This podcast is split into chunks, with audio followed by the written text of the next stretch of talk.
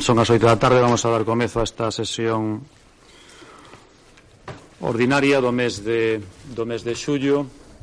Saudar as persoas presentes nesta sala e a todas as persoas que nos escuitan a través da Radio Municipal.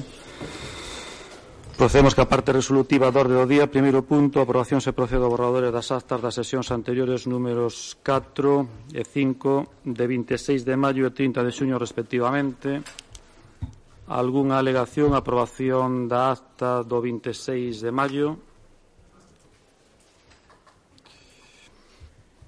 Non hai alegacións, procedemos á votación da mesma. Votos a favor. Unánime dos presentes. E agora vamos coa segunda de 30 de xuño de 2022. Algúnha alegación, aprobación desta acta? Procedemos entonces á votación. Votos a favor unánime dos corporativos. Quedan, polo tanto, ambas as dúas actas aprobadas. Punto número 2, toma de posesión de Alejandro Manuel Carrera a vista da credencial remitida pola Xunta Electoral Central, toda vez que este concelleiro pois non está presente, se entende que renuncia de forma tácita a tomar posesión neste pleno. Pasamos ao punto número 3 Ditame da Comisión Informativa de Contas Facenda Patrimonio Persoal favorece a proposta da Concellería de Facenda de data 18 de xullo de 2022 relativa a establecer o límite máximo de gasto non financeiro nos orzamentos iniciais do 2022 e a aprobación inicial do proxecto de orzamento municipal do Concello para o exercicio 2022 le a proposta secretaria municipal. A Comisión Informativa de Contas, Facenda, Patrimonio Persoal, en sesión ordinaria do 21 de xullo de 2022, ditaminou favorablemente a seguinte proposta de acordo. Confeccionado o proxecto de presuposto para o exercicio 2022 con todos os documentos que se relacionan no índice emitido informe polo Departamento de Intervención, preséntase eh, a adopción do seguinte acordo. Primeiro, establecer como límite máximo de gasto non financiero nos orzamentos iniciais do 2022 a cantidade de 10.108.522,58 euros de acordo co disposto no artigo 30 da Lei Orgánica 2 barra 2012 de Estabilidade Orzamentaria e Sostenibilidade Financiera.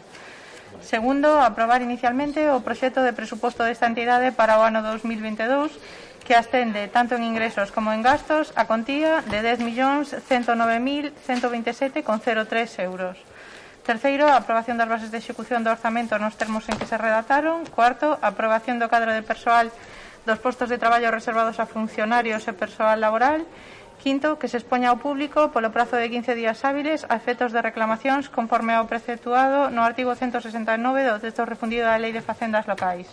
Sexto, que no suposto de non presentarse a reclamación se considerará definitivamente aprobado, debendo cumprirse o trámite da súa publicación resumido por capítulos no Boletín Oficial da Provincia de Tabuleiro de Anuncios deste Concello, xuntamente co cadro de persoal, Segundo, dispón o artigo 169 do texto refundido da Lei de Facendas Locais. En outro caso, procederase de acordo co previsto no artigo 169.1 do xa mencionado texto refundido da Lei de Facendas Locais. Sétimo, que, de acordo co artigo 169 do texto refundido da Lei de Facendas Locais, se remite a copia do orzamento definitivamente aprobado á Administración do Estado e da Comunidade Autónoma. Tengo a palabra a Concelleira Lega de Facenda. Buenas tardes a todos los presentes y a los que nos escuchan a través de la radio municipal de Tuy. Hoy se trae a aprobación los presupuestos para el ejercicio 2022.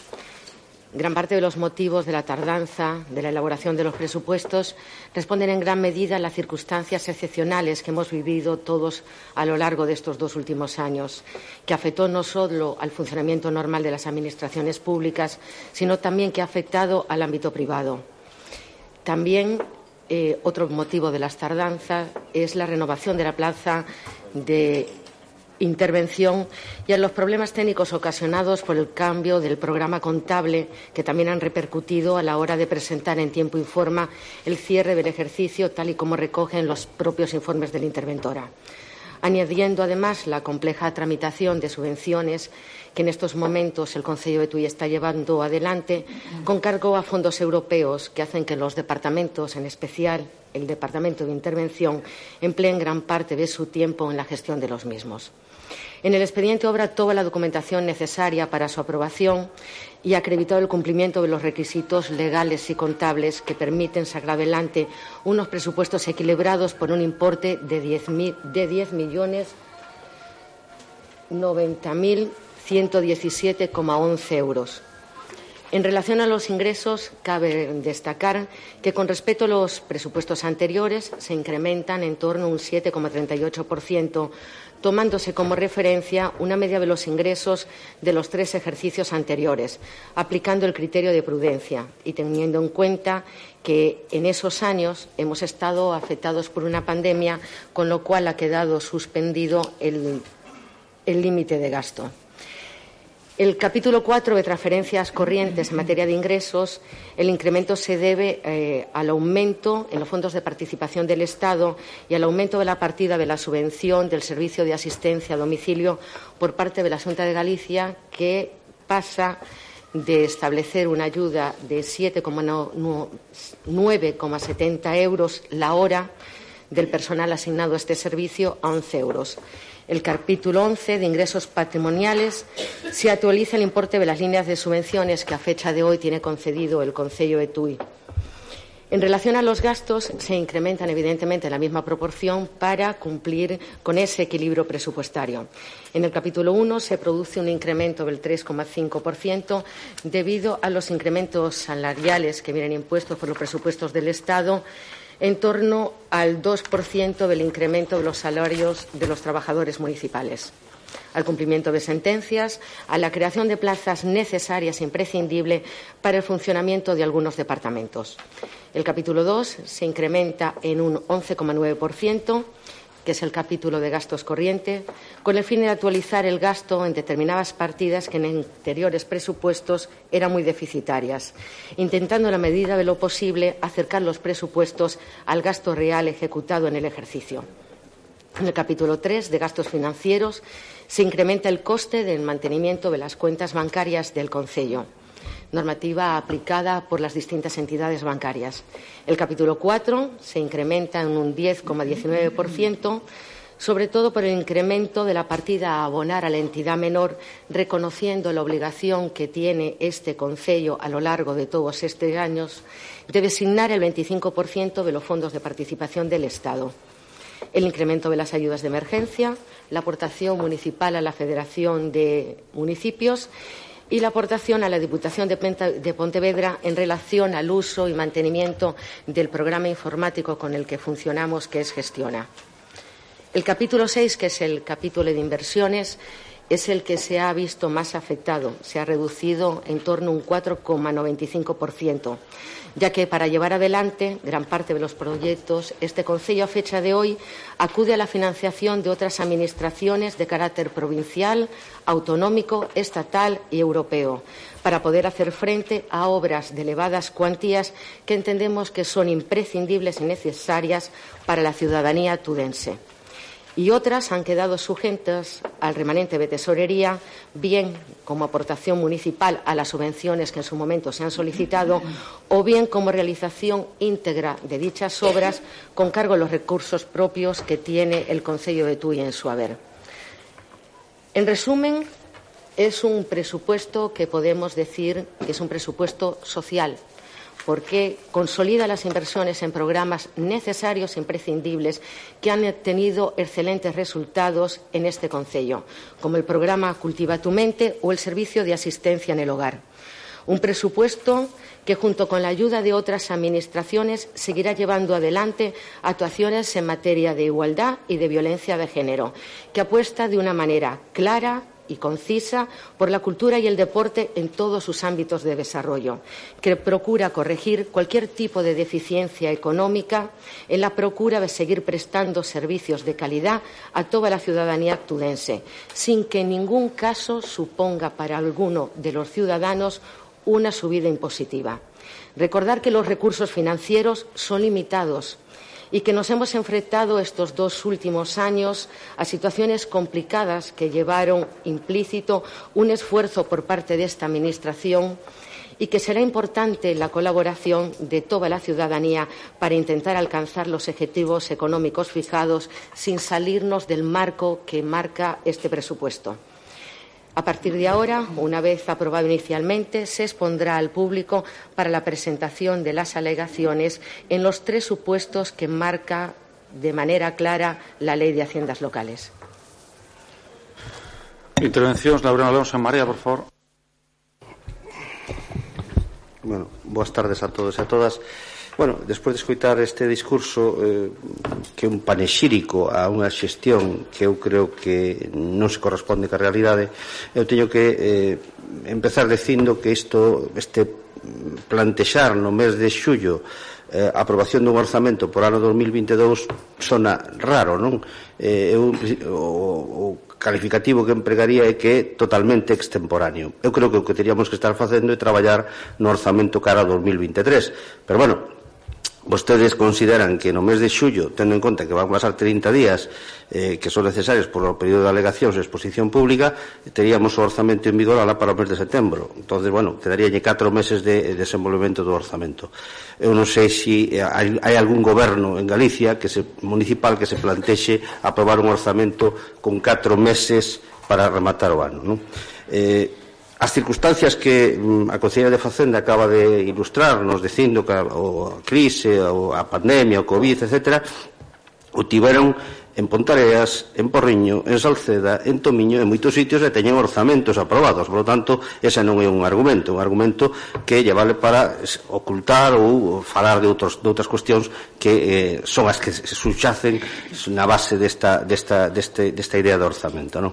Eh, mire, eh, o orzamento é expansivo e, e eu creo que iso é positivo para TUI porque TUI fai nada tiña un orzamento de 7 millóns e medio de euros aproximadamente eh, era un, un orzamento totalmente irreal e temos que ir achegándonos a unhas cifras que nos permitan eh, os, os conselleiros do, do equipo de goberno e a, e a cidadanía de Tui poder de ter uns servicios, disfrutar duns servicios e duns eh, prestacións municipais acordes cos tempos, non?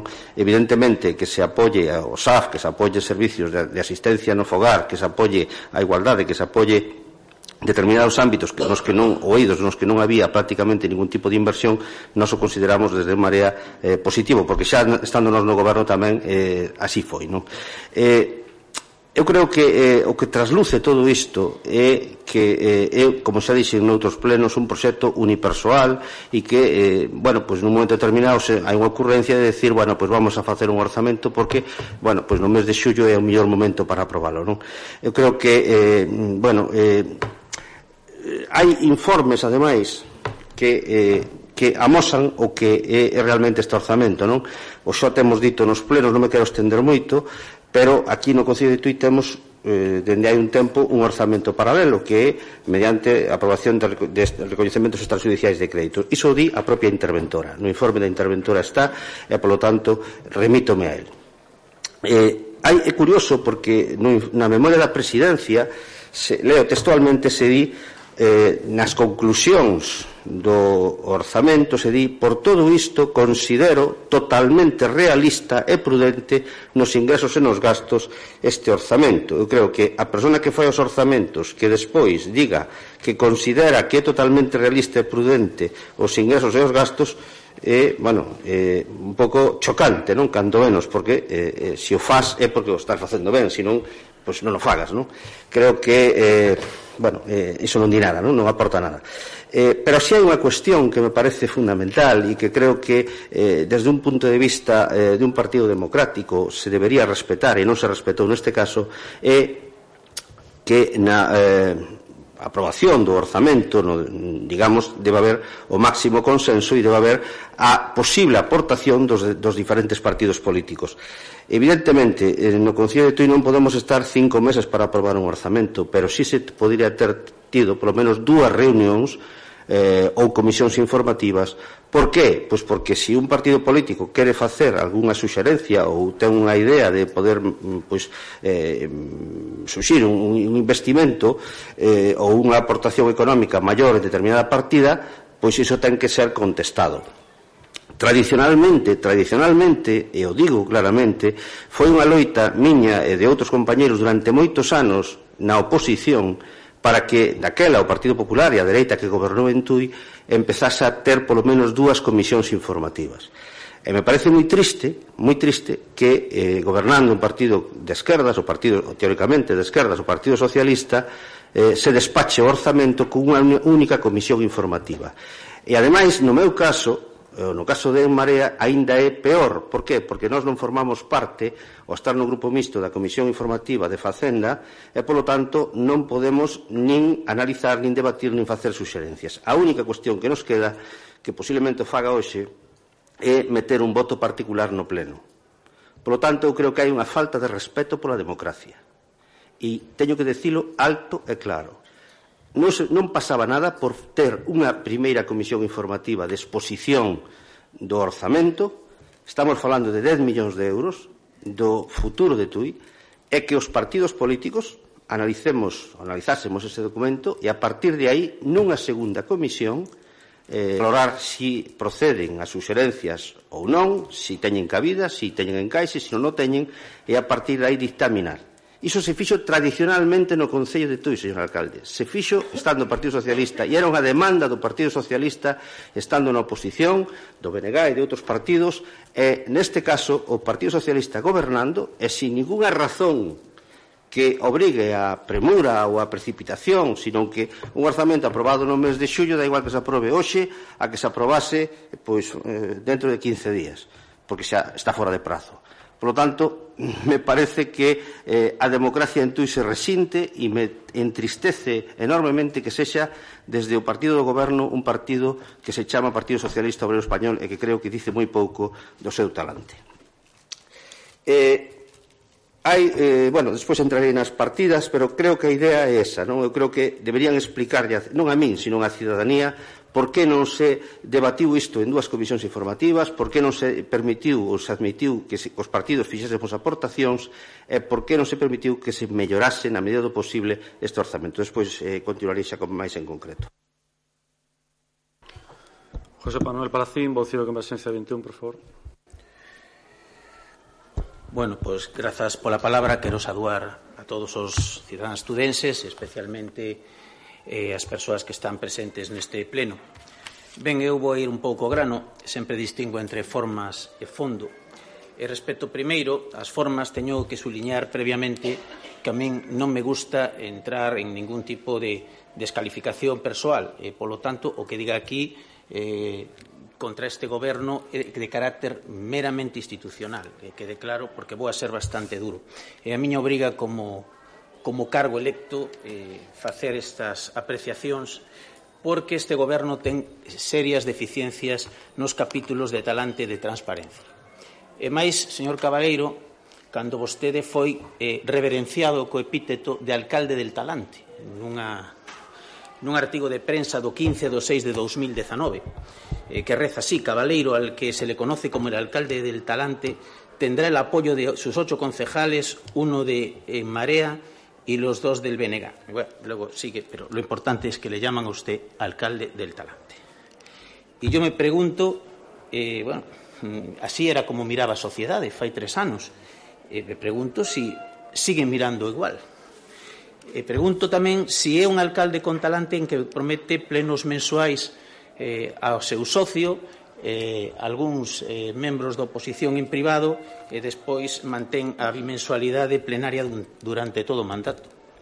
Se un alcalde do Talante que entrae ao pleno recorrentes e millonarios recoñecementos de crédito sen consultar a oposición, moitas veces incluso algún viu sin comisión informativa, eh, moitas veces eh, mesturando packs que son absolutamente intragables, eh, cando se lle suplica, por favor, que separe as partidas co fin de aprobalos, non co fin de non aprobalos, senón facilitar a súa aprobación, levando facturas que non compren os mínimos requisitos contemplados na Lei de Contrato do Sector Público, e para que non prestan vostedes ningún tipo de explicación.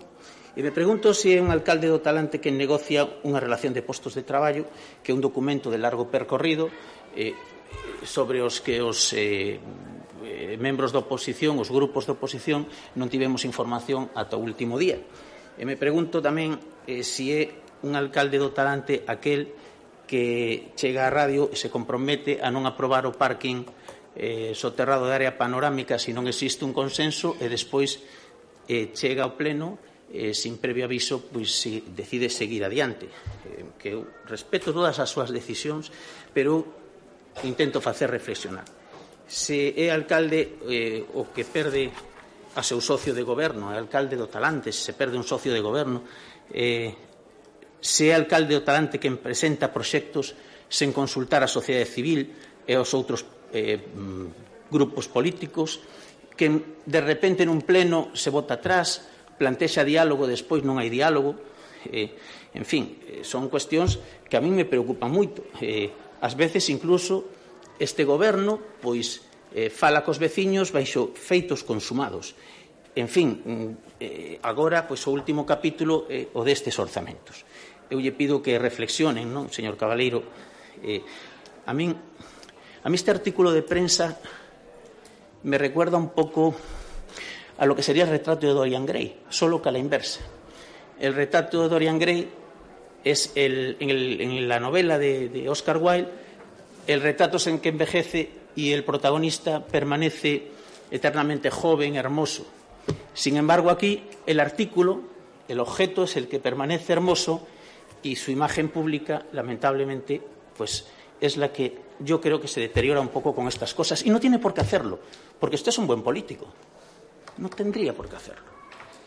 Eh, volve vostede a tomar o camiño da unilateralidade en sede pública nun pleno cando vostede quedou sen socios e lle cernía unha minoría, eu persoalmente ofrecinlle participar nos orzamentos, creo que é certo, non?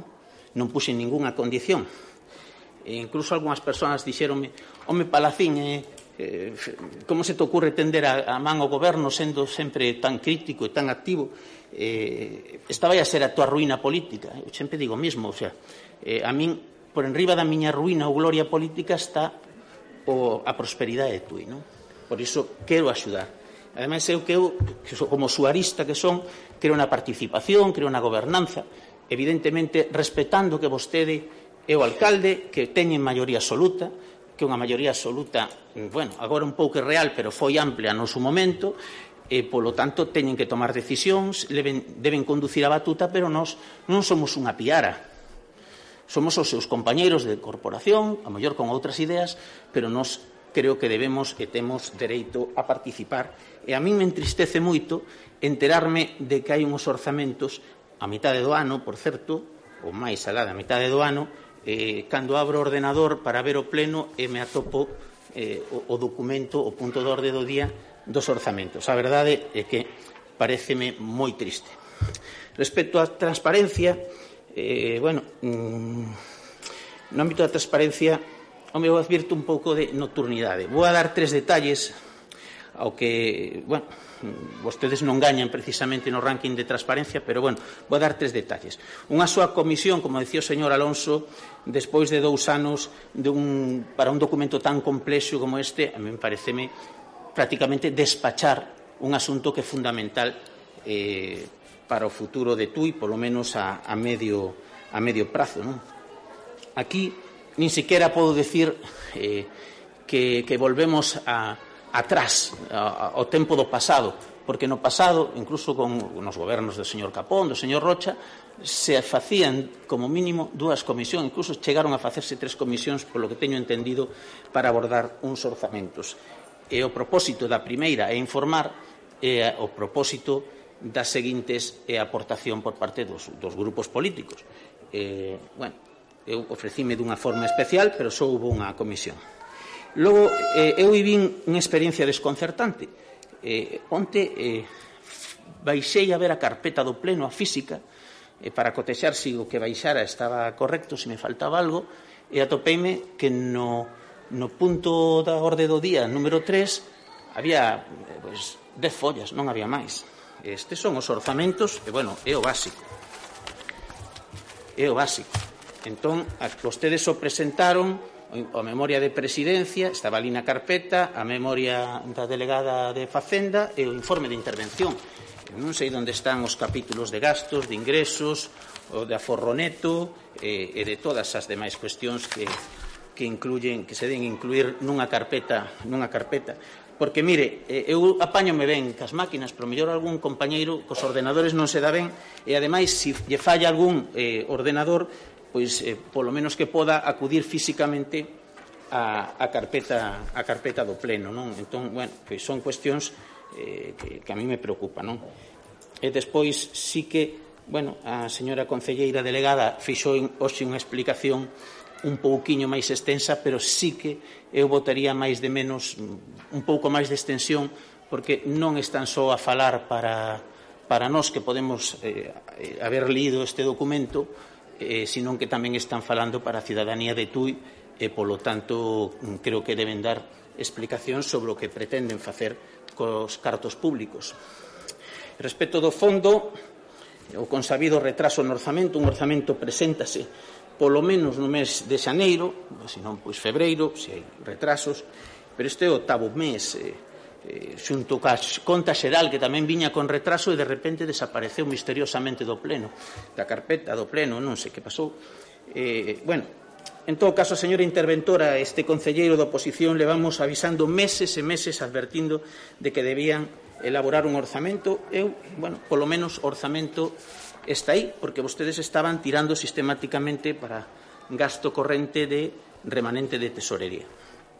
Eh, por fin, está o presuposto, pero recoñezan eh, que chegan tarde e que non sirve de todo ese propósito porque xa diron a recoñecementos e a suplementos durante os meses de xaneiro, de marzo, de maio e de xuño, e por valor de máis de 5 millóns de euros.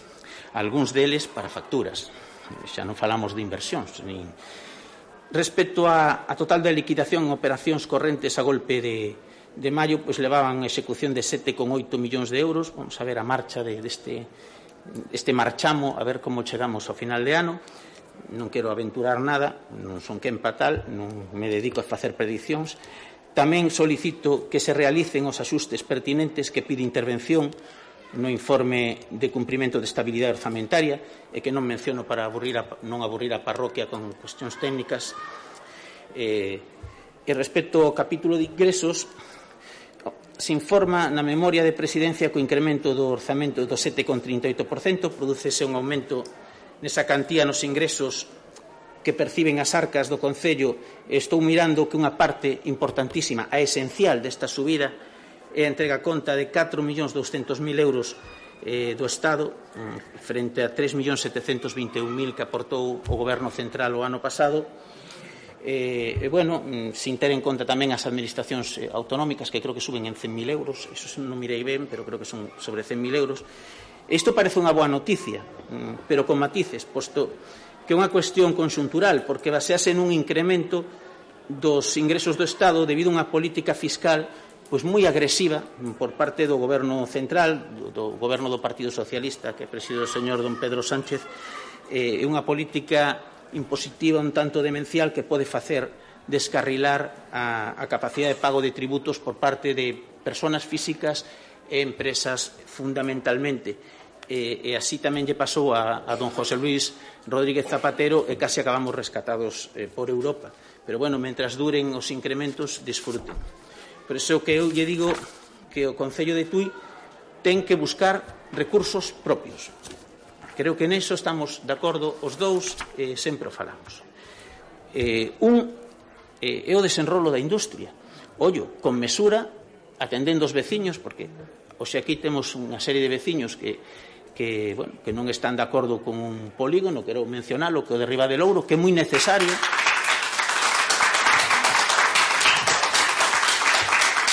que é un, pol, un polígono moi necesario. Momento, sí. As persoas sí. que están na sala teñen o deber de guardar silencio en todo momento. Se si volven a interrumpir, teño que desaloxar a sala e, e suspender o pleno, de acordo? Se lles pide corrección, teñen dereito a estar, obviamente, pero deben estar con total corrección, de acordo? Gracias. Bueno, moitas gracias. Eh, hai que desenrolar os polígonos eh, porque, senón, pois, o que vai a suceder é que vamos a morrer de inanición de fame prácticamente porque o Concello hai que ser realistas temos un camiño de Santiago que é moi bonito simbólicamente que aporta certas cuestións sobre todo as entidades privadas eh, hostelería, comercio, etc, etc pero que o ente público en xeral pode, pode ser unha boa oportunidade pero tamén lle, ten un custe de mantenimento de todo isto. Entón, eh, donde está a nosa oportunidade eh, eh, na industria eh, e desde logo temos que incrementar poboacionalmente eh, por enriba dos 20.000 habitantes a Tui. Eh, isto que conleva pois, do avance do construción, da construción, dos impostos por tracción de vehículos e outras aportacións de rango. Non? Eh, eu animo a, a seguir sendo fiscalmente atractivo, como fixemos con 21 os liberais de Tui en 2018 liquidando a plusvalía. Eh, volvo a pedir que baixe o IAE, eh, é certo que en Tui neste momento é simbólico, Pero, mire, eh, non só é baixalo, senón regularizarlo, porque eh, o IAE eh, de TUI non está non cumpre exactamente ca, ca formulación legal exixida. Eh, logo temos un certo desorden no capítulo de tasas e moitos servizos sin calibrar. eh, en eso tamén estamos vostede moi de acordo. eh, a realidade das carencias financeiras pode devorarnos nos próximos anos eh, e non se traballou da, da bondo nesta materia. eh, hai que licitar o mantemento de, de, dos xardíns, eh, en tres anos non se fixo nada neste ámbito, eh, máis que algúns macroproxectos como Podalameda, pero resulta estrano eh, sendo a titular de Facenda que, que, señora Rodríguez, eu non entendo porque sabendo vostede deste asunto non licita os xardíns ou se non vostede se quere vos, vos pide que non, pois mira, pois non compensa explícamo, pero non entendo sinceramente. É unha cuestión que ademais se lle está pedindo desde intervención. Eh, eu, señor Cabaleiro, pídolle que traballe eh, para as próximas eh, corporacións, eh, co, aínda que non sexan súas. Eh, e, sobre todo, que pense nas outras corporacións vindeiras. Non? Eh, cando presentaron o último orzamento respecto dos ingresos, plantexei que podería ser un castelo no aire se o COVID non rementía, Fortunadamente deunos unha tregua, pero de verdade descoñezco os niveis de cumprimento, pois non se presentou a, a conta xeral, a verdade que estou un pouco desorientado eh, e con tan pouco tempo tampouco pude ver a fondo as liquidacións. Eh, agora, si teño que decirlle, o mesmo que o señor Alonso, aquí o que se presenta está está trucado, porque vostedes levan tres anos traballando cun orzamento paralelo que é remanente de tesorería, eh, contraídas continuas de, de expedientes. Eh, mire, mm, no COVID 750.000, despois outro de 850.000. Fai uns meses eh, este de 850.000, pero eh, fíxense, os de 200.000 e 300.000 están a orden do día. Dese conta que aperturar a Rúa costou 300 e pico mil euros. Quer dicir, levan expedientes en facturas do tamaño do tamaño da apertura do Rúa Teñen que reflexionar sobre esa cuestión. Están convertindo un, un instrumento que é o remanente que é para cometer investimento en, en un simple eh, elemento de despilfarro para ir tapando con facturas. Eh, por iso era importante facer este orzamento, aunque creo que non vai a chegar, tamén hai que ser realistas. Ben, eh, pouco máis podo dicir sobre os ingresos, eh, sobre os gastos, pois vou a ser máis, moito máis breve. Eh, primeiro quero queixarme pola escasa escasez de especificación en algunhas nomenclaturas dos presupostos de gastos por capítulos. Seguimos cos conceptos outras facturas, outros traballos, outras empresas, por exemplo, na, na página 31 do eh, recurrente, outras empresas, outros capítulos. Eu creo que hai que ser máis directos, sobre todo cando se trata dunha oposición, home, nós ata agora fomos bastante bastante pacientes con esta cuestión, pero eu xa empezo a cansarme de ver sempre outros pacientes, outros ingresos, outros outras empresas, outros traballos, que empresas, que traballos, en fin. Eh. Logo Estou profundamente preocupado que a escasa capacidade de investimento eh, con recursos propios no que ven incorrendo nestes últimos anos o Concello. Non é culpa súa, eh? tamén yo digo, hai que ser realistas, aquí eh? tampouco se ven a facer demagoxia ni a... non é culpa súa. Eh, temos unha ridícula cifra de autofinanciación do 0,90, mm, unha nova baixada respecto aos pasados dun 4%, apenas 90.000 euros. E eh, mire, eu mm, creo que non deberíamos renunciar a un elemento tan esencial como é a financiación con recursos propios eh, para a obra pública porque te dá unha liberdade unha liberdade eh, eh considerable respecto aos, aos plans ríxidos encorsetados da Deputación, que, por certo, teño que volver a denunciar que un cancro institucional e un lastre económico da Xunta e, e ou do Estado. Co cancro referime á Deputación, non á Xunta ou Estado, evidentemente. Bueno, intervención advirtenlles que teñen defectuosamente artellado o capítulo de horas extras e plus de productividade dos empregados, os empregados públicos, veñen eh, acudindo sistemáticamente a remanente con este propósito. Nos levantamos os reparos de intervención e está, vamos a seguir facendo porque son os nosos traballadores públicos, faltaría máis, eh, pero temos que facer un esforzo nesta, nesta materia eh, porque, por exemplo, non se cumpre o relativo á previsión do complemento específico, Eh, respecto ao capítulo 2 de bens e servicios, temos un incremento de 491.000 euros, pero que máis se espanta neste aspecto, unha vez máis, o, eh, o informe de intervención, que, como decía o señor Alonso, demoledor.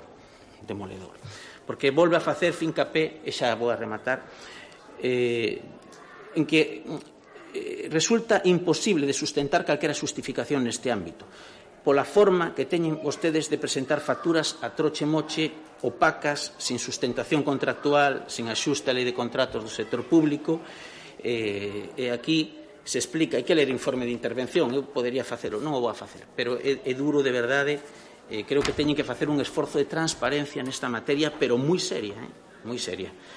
Eh, eh,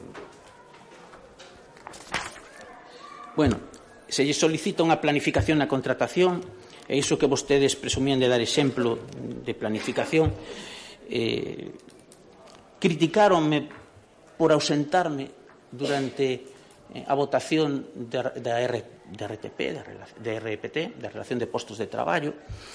E miren, aquí a interventora lles di que teñen que continuar mellorar a formación do persoal, maior organización dos servicios que ofrecen aos traballadores públicos, medios e protocolos. Eso é xusto o que eu pedía e por iso non ausenteime. Entende? Porque eu quería artellar o Concello, modernizalo. Eh, de feito, foi Converxencia 21 que abrigo o melón da, da relación de postos de traballo. Non o fixen nin por oportunismo político, porque é bastante impopular o que o fixen, eh? Usted o sabe, pero, home, teño que teño que polo menos quedar como baluarte de defensa de, de algo máis que, que decir si buana todo por, por ter medo a, a xente, non? Que hai que ser valente. No caso do NET, ao marxen de consideracións orzamentarias, penso que debía construirse un, un patronato, tamén creo que mencionei en algunha ocasión, é unha maneira de dirixir eh, a Universidade Nacional a distancia que creo que funciona en algúns concellos e funciona bastante ben polo menos para a toma de decisións eh, eh intersectoriais, eh, non tanto económicas, porque veñen reguladas, pero sí eh, pois sí para mm, artellar programas culturais, conxuntos e cousas, un patronato necesario. Respecto ao capítulo de subvención, decir que lles falta moita imaginación. Pero tamén lle faltou o señor Padín no seu día, eh? Levamos 20 anos cas mesmas subvencións a todo o mundo. E creo que hai que adaptarse á realidade de Tui. Por exemplo, Sosto Miño baixo Miño fai unha labor verdadeiramente impresionante. Eh, creo que o que se lle otorga é moi baixo. Eh, eu, é a miña opinión. De acordo?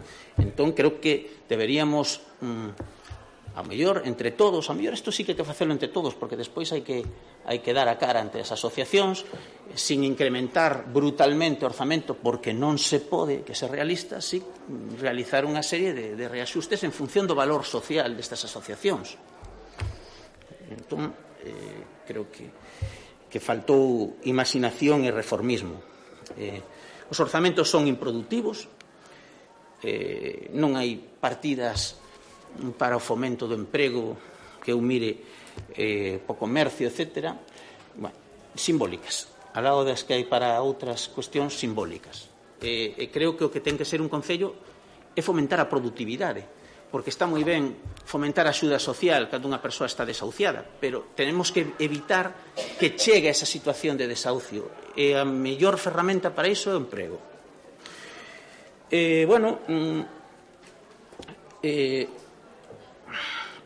honestamente resulta imposible en tan pouco tempo facer un análisis exhaustivo, eh, pero en todo caso mm, eu creo que isto foi un truco do goberno, como sempre presentando rápido, rápido para que non nos enteremos. Pero eu voulles a decir algo, eh?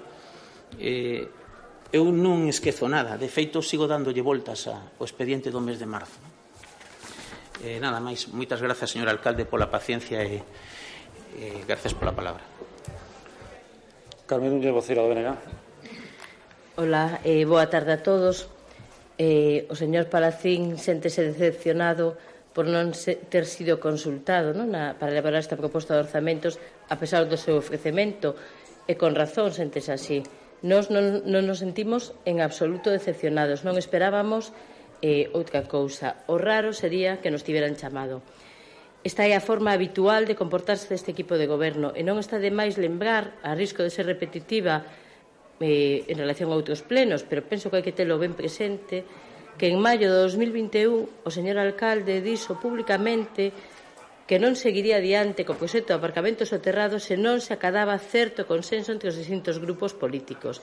E unhas horas despois de dicir isto, cos votos dos concelleiros de PSOE e de Marea, aprobouse seguir adiante coa tramitación de dito proxecto, co voto en contra de todo do resto dos grupos políticos.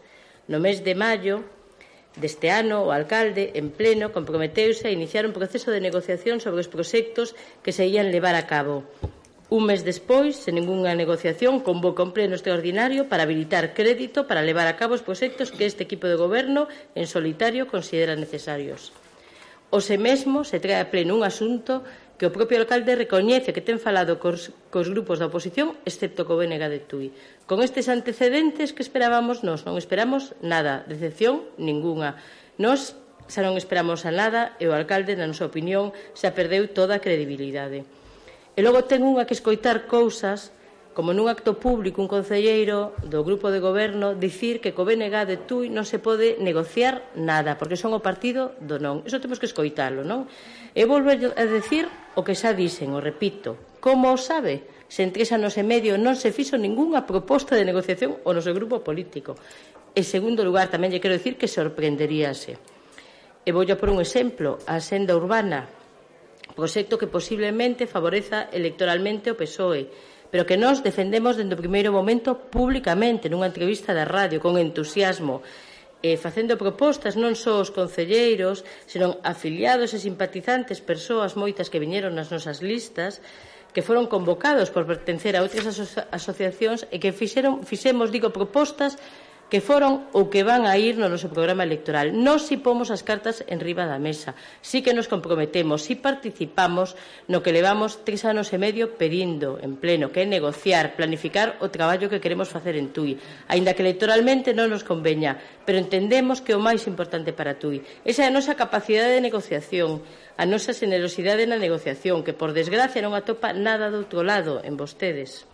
E dito isto sobre os orzamentos, e hai varias diferencias en relación aos orzamentos anteriores do 2023, por exemplo, no capítulo 1 de gastos de persoal incrementase en 151.800 euros, un 3,5%, en relación a incrementos salariais de policía local, limpiadoras polo incremento do salario mínimo interprofesional, de persoal de piscinas, inclusión da técnica do ARI en relación á sentencia judicial, un servicio que seguía sen licitar dende, creo recordar, dende ano 2017, Creación de dúas plazas, auxiliar de biblioteca, auxiliar de imaxen e son, e unha plaza de arquitecto por seis meses para actualizar o Departamento de Urbanismo. Bueno, non sobre isto nada que dicir, como sei que gastar máis. É certo que é un gasto alto, 4.486.000 euros, pero se tes un Concello que funciona, se os distintos departamentos, obras, urbanismo, servicios sociais, etc., funcionan ben e de forma áxil, solucionas unha parte importante dos problemas dos veciños, das necesidades dos veciños. E para iso necesitas traballadores, suficiente persoal e con condicións laborais dignas. E se non tes iso, o Concello non vai funcionar ben por moitos orzamentos que, que elaboren. En canto ao capítulo 2, gasto corrente, hai un incremento do 11%, 491.000 euros, chegando a 4.926.000 euros. Non? Eu quería facer algunha pincelada sobre algunha cuestión nada máis. Gastos en enerxía eléctrica, 604.000 euros, en distintas partidas, 2.800, 2.600, 391.000, 80.000, 54.000, a única especificada é a escola infantil, 4.996 Gasto de combustibles e carburantes, un total de 141.500, tamén con distintas partidas, 30.000, 50.000, 17.000, que a única, a única que se especifica é a escola infantil, 4.500. Nos parecenos moi importante, apuntaba o señor Palacín, que é importante especificar estas partidas, neste caso para ver onde se fan estes gastos máis elevados e tentar abaratalos, valorar onde se poden introducir enerxías alternativas ou máis eficientes. Eh, outros suministros tamén en xenérico, 23.900 euros, que tampouco se especifica, salvo en algún caso puntual.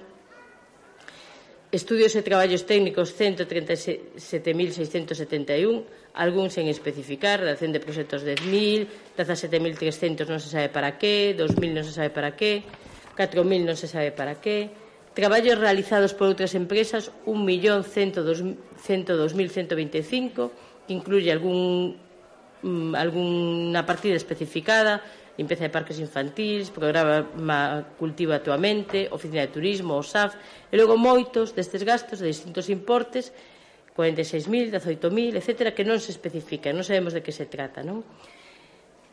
En canto ás execucións subsidiarias no consunto monumental, 5.000 euros, sobre todo, parecenos moi escasa, sobre todo porque te, hai que ter en conta que hai algunha vivenda en moi mal estado dende hai moitos anos que se descoñece os propietarios, por exemplo, está cai na rúa Martínez Padín, que entendemos que habería que, que empezar a facer algo, teria que facelo o Concello. Repoboación árbores e plantas 12.000 euros, non sei se nos poden dicir cantas árbores prevén plantar e onde os prevén plantar. Supomos que aquí nos está incluído os gastos da, da Alameda, estarán a parte. Logo, en gasto das festas de San Telmo, quería facer unha pregunta, que pasan de 50.000 a 150.000 eu supoño que se trata de incluir os, eh, nos orzamentos un gasto que xa se facía a través do, de reconhecementos extrajudiciais. Entendo que, que inclúe, se intenta evitar que, que se tramite desa outra forma.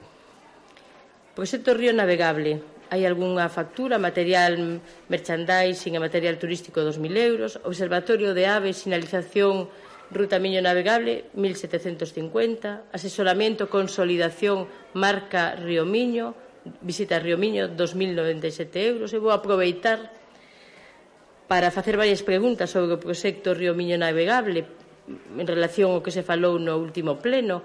Consultei o expediente e, a pesar da que a concelleira falaba no pleno anterior de que había montones de auditorías sobre o proxecto, non hai ningunha, non hai ningunha, ningunha. Eh, tampouco hai ningún informe técnico que diga que faga referencia ao cumplimento das condicións de licitación, non o hai.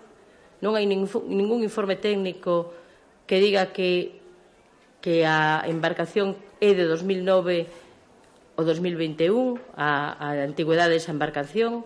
A embarcación ten unha matrícula do ano 2003 e non hai ningún informe técnico que diga a antigüedade, que especifica a antigüedade da, da embarcación. Son 160.000 euros máis estes gastos que se van metendo, non cumple, insisto, as condicións de limitación, en algo aparte tan burdo, tan evidente, tan a vista de todos, que xa levamos advertido aquí en múltiples ocasións como é a antigüedade da embarcación.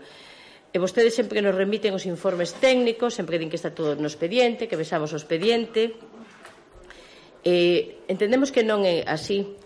Se son vostedes se hai a sospeita de que non se cumplen as condicións de licitación neste servicio ou en, ou en calquera servicio licitado polo Concello, limpeza viaria, limpeza de edificios municipais, miño destino navegable, son vostedes os que teñen que reclamar que se cumplan as condicións da licitación.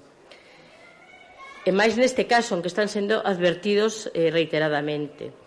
Eh, parece que como son 160.000 euros de cartos europeos, parece que non son, pero os cartos europeos non hai unha máquina que fabrique os euros para que Europa nos lo dé. O sea, a, a, esa subvención sae dos nosos impostos. Habería que ser incluso máis escrupulosos todavía. Somos nosos que imos pagar iso.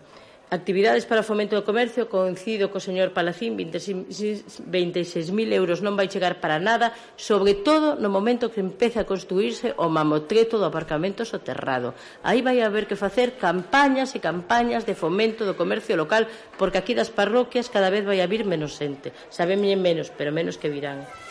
26.000 euros non chegan.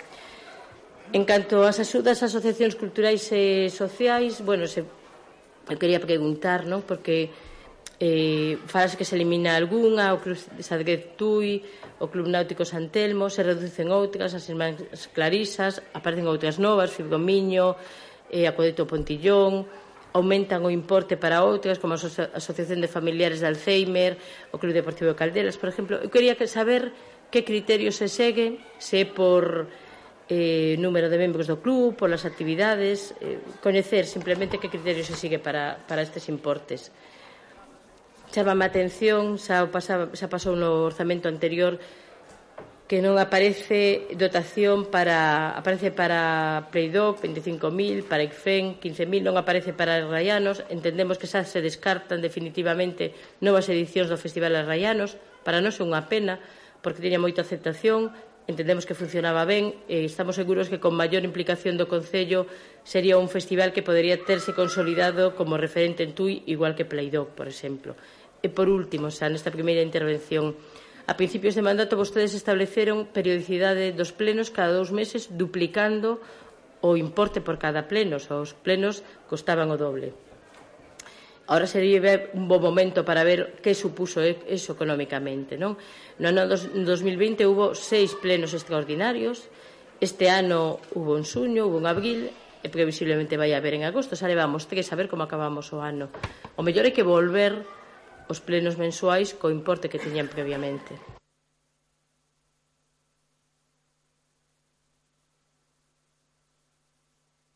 Mario González, vocero de Ciudadanos, por favor. Sí, buenas tardes, señor alcalde.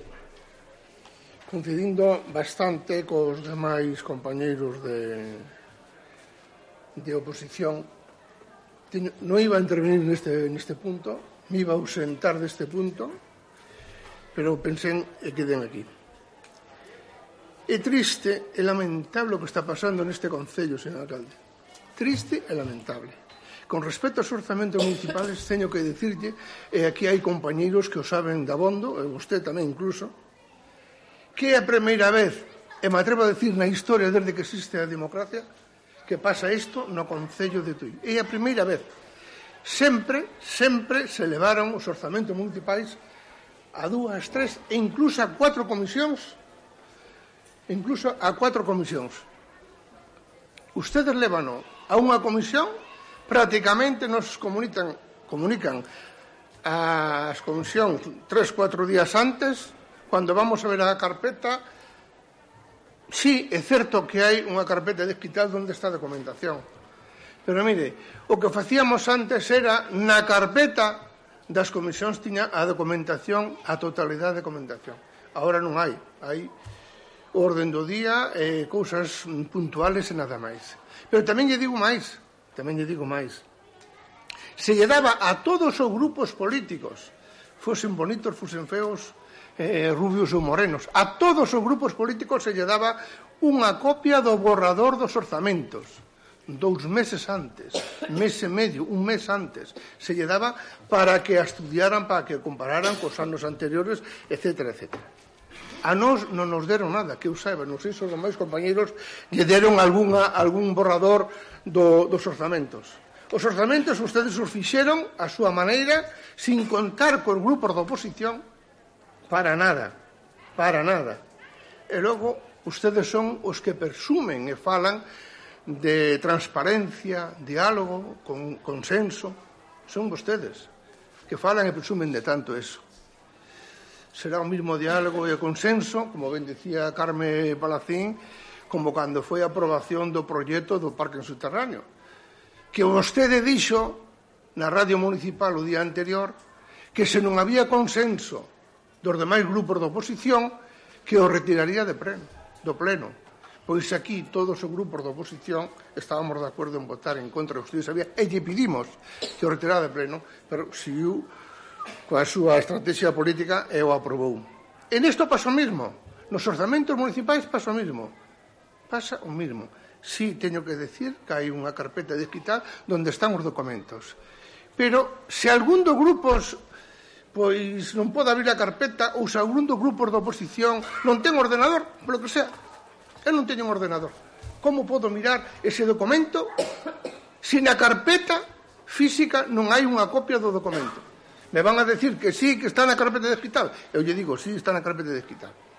Pero eu quero unha copia como se deu toda a vida a todos os grupos da oposición unha copia do borrador para poder estudiar os orzamentos e eh, leválo a consenso cos demais grupos, cousa que vostede non fixe aquí.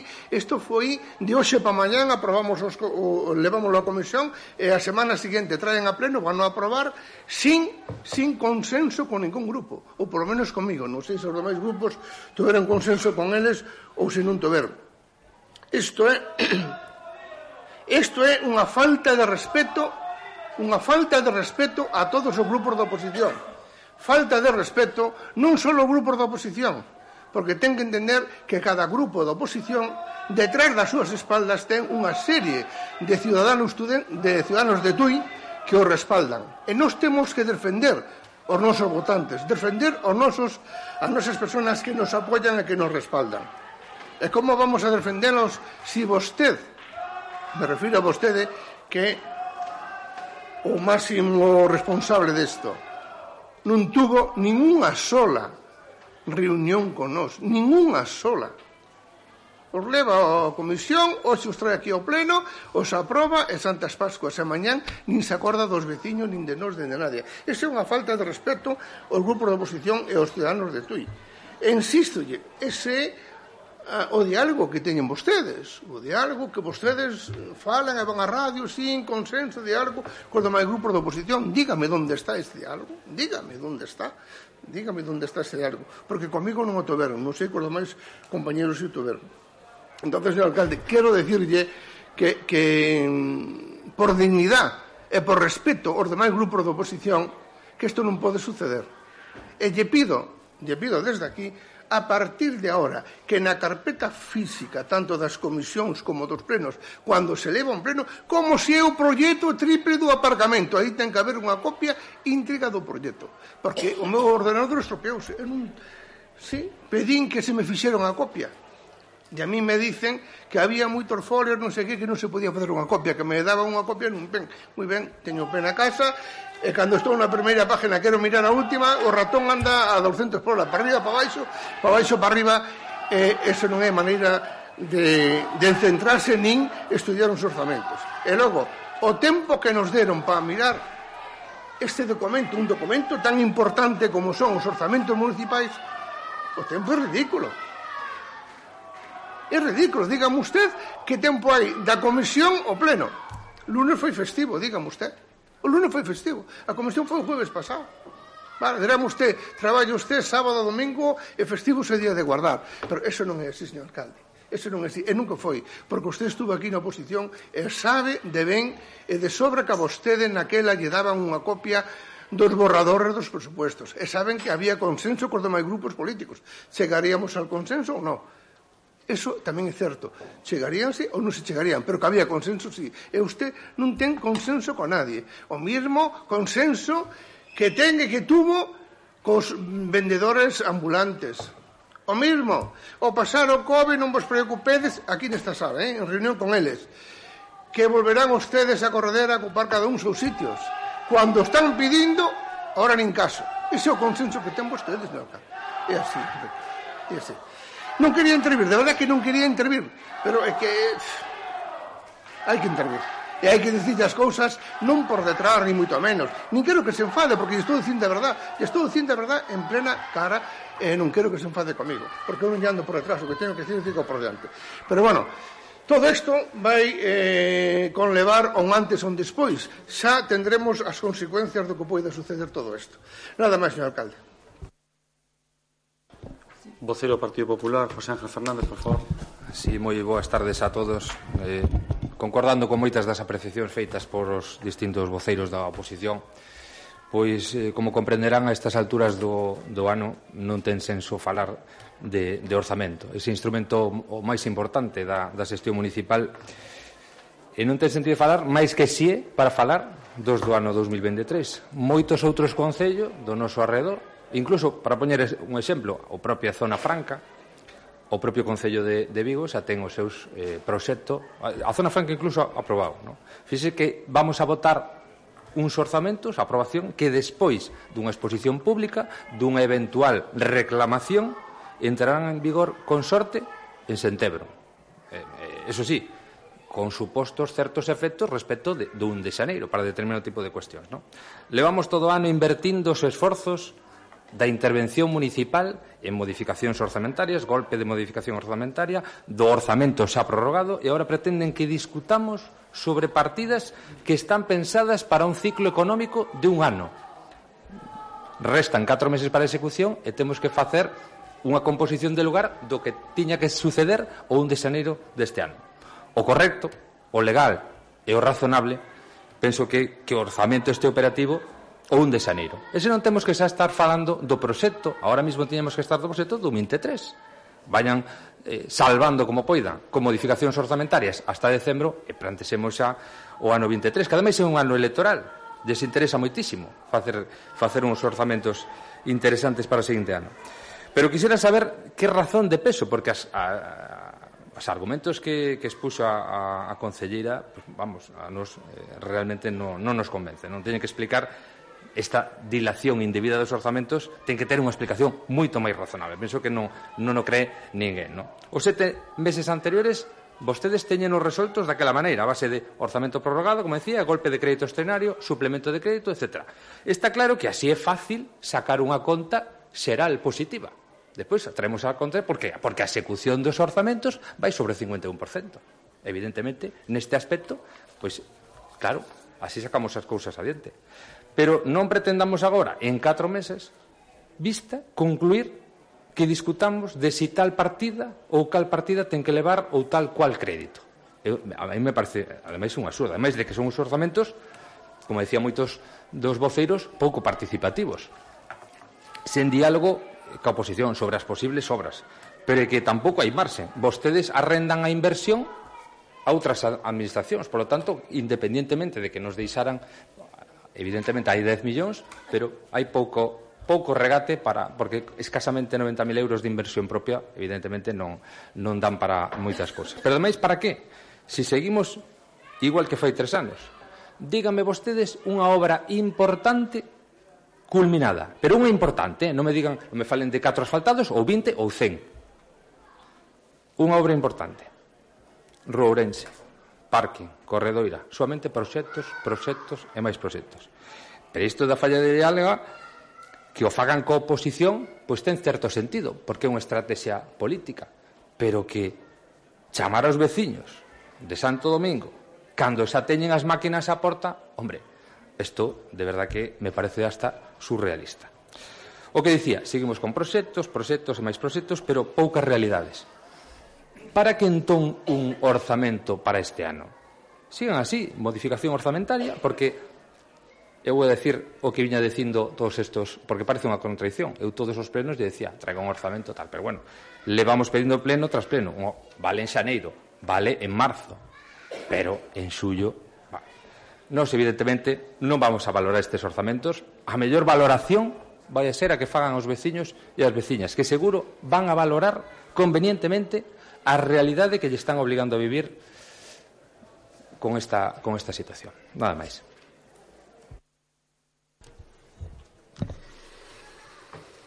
Bueno, creo que nas, nas intervencións do, do conxunto dos grupos da oposición se falou de todo menos dos orzamentos, porque hai unha realidade innegable. Mais a de máis ou menos vontade de negociación, este documento non ten marcha a, a ningún tipo de a ningún tipo de negociación de negociación relevante. Decía o voceiro do Partido Popular que mm, este orzamento apenas eh, reserva partida para inversión. E é certo, é certo.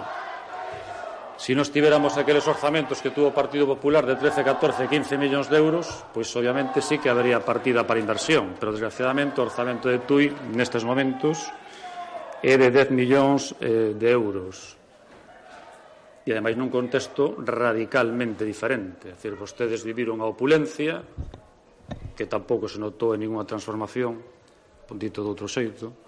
Vostedes viron a opulencia con orzamentos moi, moi elevados, deixaron un remanente de 3.800, de 3.800.000, e, polo tanto, claro que naquel momento tiñan vostedes capacidade de guardar unha certa, unha certa cantidad de recursos propios para a inversión, Pero tamén me gustaría saber a que se dedicou esa, a que se dedicou esa inversión. Xa nos gustaría ahora ter un orzamento xa non de 13 ou de 14, de 11 ou de 12. A realidade deste Concello e de moitos Concellos, obviamente, as inversións veñen de recursos alleos.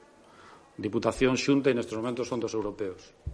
Nestes momentos, pero xa no futuro próximo, vindeiro ano, solo se van a poder utilizar, por falla de financiamento, recursos de fondos europeos pero que xa están facendo agora as administracións. As administracións podrán facer todos os orzamentos que queiran, pero sobre todo as partidas de, de subvencións xa están dotando con fondos europeos porque esa é a realidade. A administración pública cada vez ten menos, ten menos recursos e máis gasto, e sobre todo, pois, despois de vivir os momentos que vivimos e os momentos económicos os que vamos. Coincido con Palacín, eu cada máis creo que foi a exposición máis, máis rigurosa de todos os que, os que interviron, no senso de que temos un problema grave de falla de ingresos se agrava se, se todavía tomamos decisións de baixada de impostos como se tomaron no seu momento. É inviable, salvo que nos condenemos a, a non facer absolutamente nada. Como se pode captar ou como se pode subir eh, o nivel de ingresos do Concello de Tui? Poboación.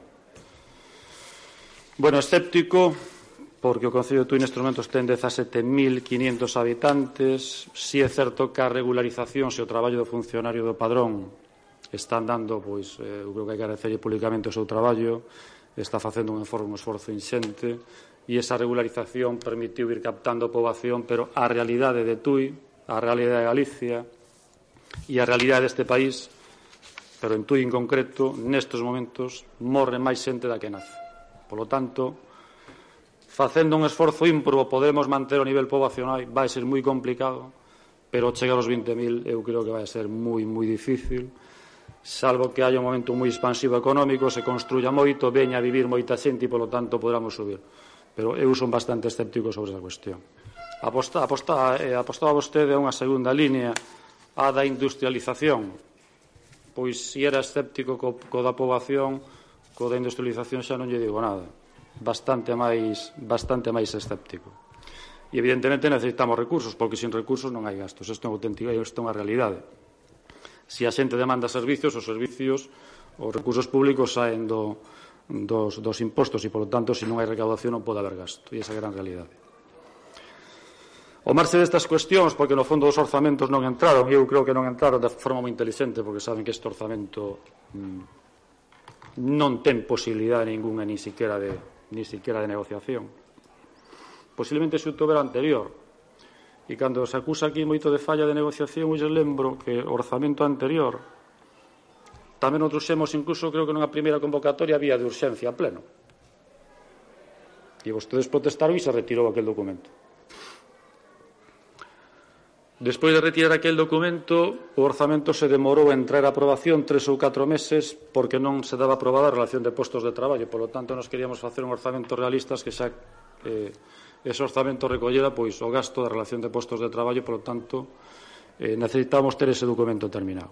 Tardouse en aprobar esa, esa, esa relación, tardouse en aprobar ese orzamento. Durante os dous, tres, catro meses que tardamos en aprobar ese orzamento, ningún grupo político dos que está aquí, dos que está aquí, xa conocendo o proxecto e xa conocendo aquele orzamento, fixo absolutamente ningunha aportación. Ningún, nin o BNG que ora se queixa amargamente de que negocian todo e non negocian absolutamente nada. Porque nos tres anos e medio que levamos de legislatura un escrito do BNG propondo unha aportación para algo nulo. Non existe no registro de entrada deste Concello. Por lo tanto, voluntade de negociación ninguna. Pero ademais daba unha paradoxa de que aquel orzamento era o orzamento co gasto social máis alto da historia deste Concello. Cando este Concello tiña 12, 13, 14 millóns de, de, de presupuesto, o gasto social era moi inferior ao que aprobamos nós cun orzamento de 9.300. Pois nin ese orzamento conseguiu xa non que o votaran a favor, é que non conseguiu ningunha abstención, siquera, sobre todo os grupos da esquerda. De acordo? O orzamento máis social da historia. Pero ainda se dá outra paradoxa, eu creo que é máis dantesca, é que algúns grupos aprobaron aquí a relación de postos de traballo e despois o documento que financia a aplicación desta relación de postos de traballo votaron en contra. Se non chegamos a aprobar aquel orzamento, pois os traballadores non hubieran cobrado non se houbera podo, podo, eh, posto en marcha pois ese, ese mecanismo, esa relación de postos de traballo. Por lo tanto, eu creo que esta teima da negociación eh, bueno, pois é un argumento manido que pode ter certo recorrido a nivel social, pero para nada eh, os feitos o demostran. Se trae este orzamento cunha comisión porque é que non hai eh, tempo nin capacidade para máis. Primeiro, o orzamento e chega no mes de xullo porque a conta xeral se liquida cando se liquida e antes de liquidar a conta xeral non se pode ter orzamento, así de claro. Quenes teñen que liquidar, liquidar a conta xeral son os funcionarios responsables dos distintos departamentos. E non é responsabilidade deles, que, por certo, están facendo un enorme traballo. E alguén decía aquí, no, porque en tempos de non sei quen, eh, dúas, tres, catro comisións que non servían absolutamente para nada, porque despois todos os grupos votaban en contra daquele orzamento, por certo se facíronse en outras comisións, pero co nivel de xestión deste Concello a día de hoxe non é comparable. Eu creo que deste ano xa non é comparable ni siquiera co ano pasado, moito menos con etapas anteriores onde o traballo administrativo comparado co que hai hoxe mm, era realmente ridículo e inexistente. E esa é a realidade. E, polo tanto, se liquida tarde a conta xeral ou se liquida cando se liquida e o orzamento hai que traerlo traelo agora. E o orzamento, eh, vostedes xa non entraron no fondo do orzamento porque saben que é un documento irrefutable, pero ademais as propias liquidacións dos orzamentos así o falan, é dicir, mm, podemos mm, eh, voltar a ver o que dixeron vostedes no orzamento de, do ano pasado e aquel orzamento pois se saldou con a liquidación positiva de máis dun millón de euros. E con este obviamente pois e con este pois obviamente vai a pasar o mesmo. Porque ademais é un orzamento sumamente responsable nos ingresos e prudente no gasto. No gasto insuficiente, porque tamén é certo que hai por diante amenazas e volto o tema dos ingresos que obviamente temos que empezar a afrontar. E sobre todo me preocupa moito o gasto social, porque se aquel era orzamento co gasto social máis alto da historia, seguimos incrementando o gasto social, pero que xa para cubrir a axuda, a axuda no fogar e sacar a lista de espera daquelas persoas dependentes que necesitan a súa administración, nestos momentos xa é insuficiente. E o gasto social é un gasto que se vai incrementar e se incrementa cada ano moitísimo porque, desgraciadamente, bueno, desgraciado afortunadamente, as persoas pois vivimos máis tempo, envellecemos e a medida que envellecemos pois temos doencias propias desa idade e polo tanto pois necesitamos recursos e necesitamos apoio da administración. E aí pois sí que temos por diante un desafío, repito, un desafío importante mm, que facer. E pouco máis lles teño que un pouco máis lles teño que, que comentar. Eu creo que este, este orzamento, a parte do gasto social, pois sigue consolidando o gasto, gasto de persoal. Subimos aqueles programas de gasto social como que a, a eh, axuda a domicilio e tamén pois a, os, os distintos programas terapéuticos que se están que se están prestando nas distintas nas distintas parroquias. E despois hai capítulos de gasto que temos que actualizar, o gasto en zonas verdes, o gasto de gasoil, gasto de electricidade. Non é certo que as facturas non estén ou que non, es, non, non existan documentos contables onde se reflite o gasto. Digo máis, eh, o gasto de gasoil por primeira vez na historia do Concello nestes momentos está perfectamente regulado por un dispositivo electrónico donde se fiscaliza hasta o último céntimo, cousa que, por certo, antes non pasaba e, e o mesmo pasa que as, que as facturas de luz. Por lo tanto, todos os gastos están totalmente e perfectamente fiscalizados. E eso, hai que, eso tamén hai que, hai que, de, hai que deixarlo claro, de acordo? E, por lo tanto, bueno, nada máis, paso un segundo turno de, de intervencións. Laureano Alonso, María, por favor. Bueno, vostede fixo un exercicio de captatio benevolentia que me parece moi ben, pero eh, de pouco respeto polas intervencións dos, dos diferentes grupos políticos. Mire, eh, entrando xa mm, de cheo no, no, no que son as cifras, os que temos certa experiencia, que xa levamos anos aquí, sabemos que hai cousas que eh, cheiran mal, non? ou que polo menos eh, deberían cambiarse. Non? Eh, por exemplo, a mí me chama a atención que haxa unha previsión de gastos xurídicos de 80.000 euros Cando eu estaba no goberno, eh, pude acceder, porque, porque quería saber esa, esa, ese dato, eh, os gastos xurídicos que levaba eh, facturados unha empresa a 30 de setembro ou 29 de setembro do ano 2020. Eran 50.000 euros, e que cadra exactamente co, faltaban eh, 30 de setembro, faltaban tres meses, por lo tanto cadra exactamente ca cifra que metemos aquí, 80.000. Pero os cidadáns teñen que saber que estes 80.000 euros que se gastan en eh, gastos xurídicos, en asesoría xurídica, supoñen que, por exemplo, a Rúa Ourense siga sin abrirse. Eh? E se quere, entramos nese debate. Eh? A Rúa Ourense se iba a facer por ocupación directa cun informe dunha técnica municipal e non se fixo así porque eses asesores dixeron que non se podía facer así. Tamén eses asesores, que cobran 80.000 euros, dixeron que o hórreo se podía trasladar a unhas fincas contiguas, cando todos sabíamos que iso era inviable. Iso fixo que se retrasase. Levamos dous anos ou tres anos e a finca eh, Lagarteira sigue, ou a finca Patazumba sigue como está, o Orrio Patazumba sigue como está, e máis está afectando a unha licencia de obra dun edificio no que o empresario propietario desas, desa nova proxecto de execución está eh, desesperado pola venta desas vivendas, e seguimos igual. Pero podemos falar, se si quere, que nunca saquei este tema, dunha parcela municipal que empezou a obrar o señor Capón sendo alcalde cunha, cun sótano e unha placa, que esa parcela, existindo un informe municipal que decía que se podría facer unha venta ad futurum, non se quixo ter en conta e se foi a subasta, quedando deserta. Podemos falar, eses son os asesores de 80.000 euros. Eh?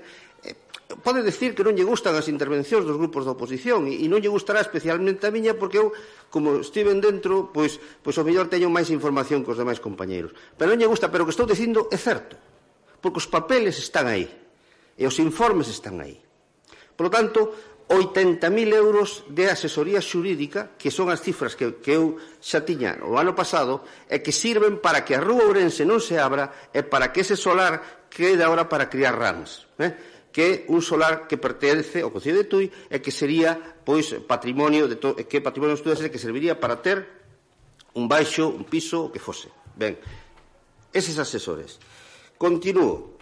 Eh, eh, se lle dá, por exemplo, en subvencións, unha partida de 5.000 euros a unha asociación que tiña 10.000. Non sei se me poden explicar por que razón se lle, va, se lle quitan 5.000 euros a unha asociación cultural. Eh, no, eh, cando se fala de aprobar un orzamento, os papeles están aquí.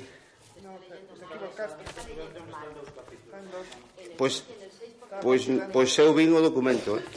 Pois me alegro, me alegro se é certo, pero no que...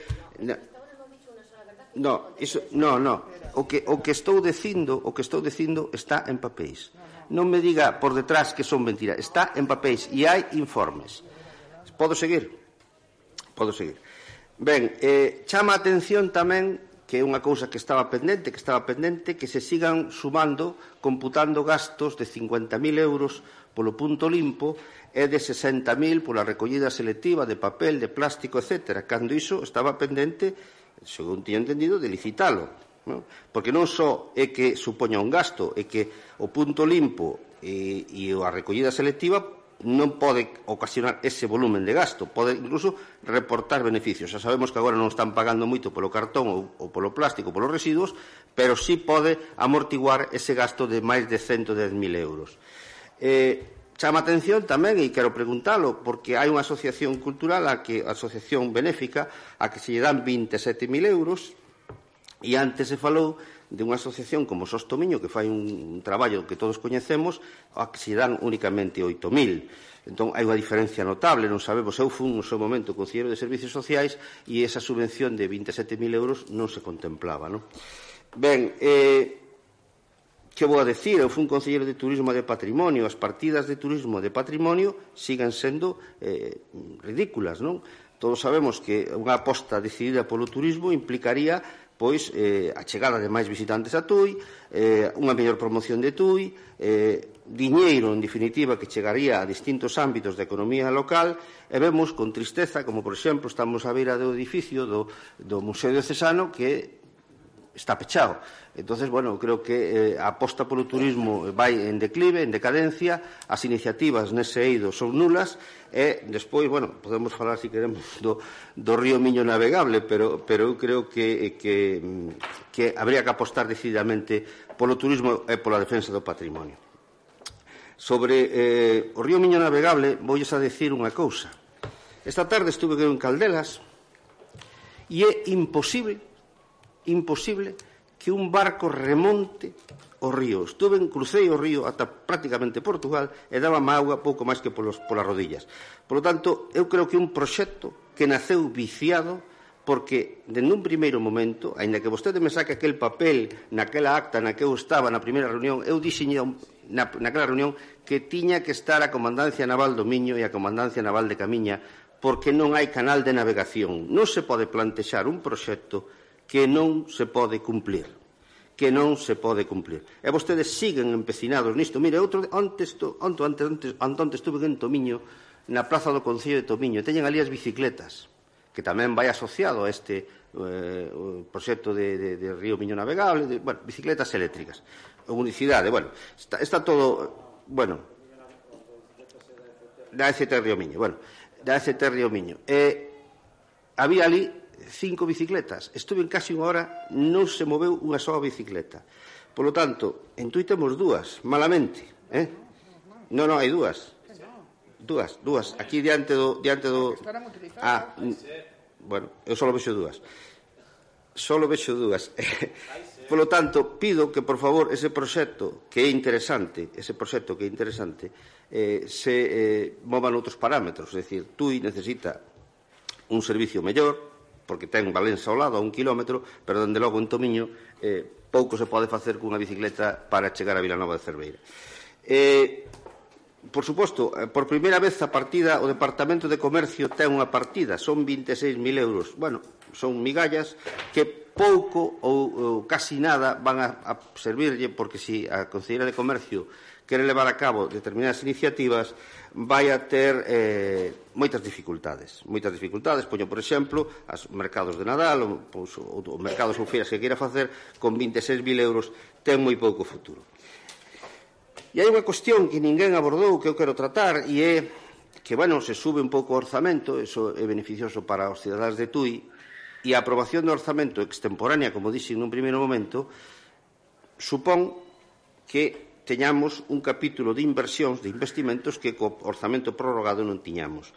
O capítulo de investimentos neste novo orzamento, se non me falla a mente, son sobre 70.000 euros, mm, tamén unha cantidade ridícula, E vostede, señor alcalde, xustifica isto dicindo que os investimentos veñen por outras vías, por a Plan Concellos, por, a, por a, o Goberno de España, a Xunta de Galicia ou tamén os fondos Next Generation.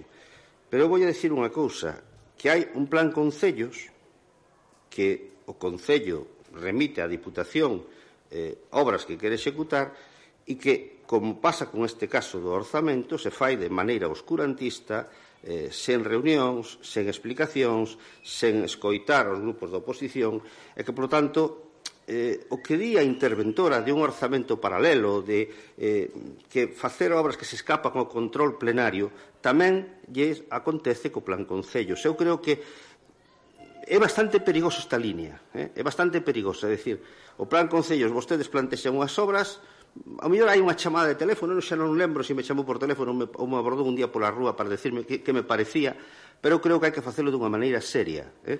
Sentarse, decir, hai estes proxectos, que vos parecen, ten algún dos grupos políticos algún, eh, algunha idea de algunha necesidade en determinado lugar ou dunha obra que se poida acometer. Eso sería un talante democrático. Por lo tanto, si O capítulo de investimentos vostedes o deturpan porque, bueno, as circunstancias son as que son dos orzamentos e os grupos políticos da oposición non temos control sobre os proxectos nin coñecemento dos proxectos a non ser a posteriori creo que se está burlando eh, a democracia deste Concello. E eu pídolle encarecidamente pídolle encarecidamente que eh, repense isto e que a partir que este ano bueno, o plan Concello creo que é bianual neste caso eh, non se pode actuar desa maneira. Desa maneira. Remato, como eh, os demais compañeros, eu abrín o, digamos, o debate, lamentando que se despache un orzamento nun único pleno e, mm, por suposto, nunha única comisión informativa. Ten, a tenza disto, e como eu non participo na comisión informativa porque está o compañeiro do Grupo Mixto Palacín de Converxencia 21, eh, en Marea non pode facer ningún tipo de proposta. Por lo tanto, vou a propoñer e teño dereito a iso, un voto particular, señora secretaria, que se ten que votar. Eh, no, pero eu non participo na comisión. A comisión. Iso é o voto particular o que ponga a normativa. Pero eu podo no pleno pedir un voto particular porque non estuve na comisión. En teoría, o que ponga a normativa sí, o, que digo, bueno, o que se poden facer o mellor Eu non vou a discutir de normativa con vostede. Eu teño feito outras veces, teño feito outras veces. Digo por iso. Porque eu non, non, non eu non, non podo asistir porque somos dous no grupo e si mixto. Que, e si se quere, de todas formas, facer unha emenda, que sería o mellor a denominación correcta, eh, pois sin, sin bueno, pues informe presento, da comisión presento unha emenda, se, presento unha emenda que se vote a emenda, sí, pero vale. non sei o que vas presentar porque hai que presentarla que, por escrito eh, e se si bueno, non eh, hai informes de intervención en principio tampouco se pode. No, é simplemente pedir a devolución dos orzamentos por falta de transparencia e falta de debate político. e que se vote.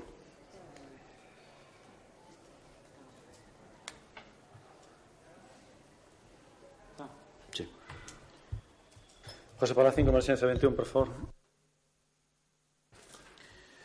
Ben, eu, señor Alonso, me parece ben a súa proposta, pero compréndame que a miña responsabilidade é que o Concello de Tui eh, non é que pretenda salvar o goberno os orzamentos, pero un orzamento expansivo eh, eu, sería unha irresponsabilidade eh, ir unha enmenda que nos deixe nos orzamentos anteriores, non? Al, al marxen das eivas que poda ter eh, como foi presentado, que eu creo que foi bastante elocuente a ese respecto.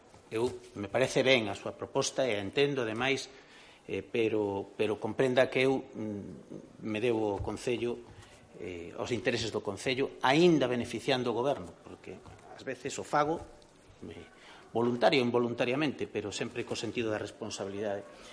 Eh, ben, señor Cabaleiro, vostede dixo que nos que todos os grupos políticos ningún falou dos orzamentos. Eu creo que falei de, do capítulo de ingresos, do capítulo de gastos, dos informes de intervención, falei dos investimentos, falei das asociacións, falei da UNED, falei dos traballadores públicos, falei de emprego, me, creo que falei de todo. Eh, pode decir que eu eludín o, o debate. O que pasa é que, evidentemente, nun maremán nun tan importante, ademais, con tan pouca definición de nomenclatura nas partidas, eh, evidentemente, moi difícil meterse a, a ser extremadamente precisos. Eh, eu, si quere, podemos ser precisos durante, eh, de, de, depende das cuestións, pero hai cousas que non sei ningo que son. Eu teño aquí subliñado polo menos 40, 50 cousas que non sei o que son.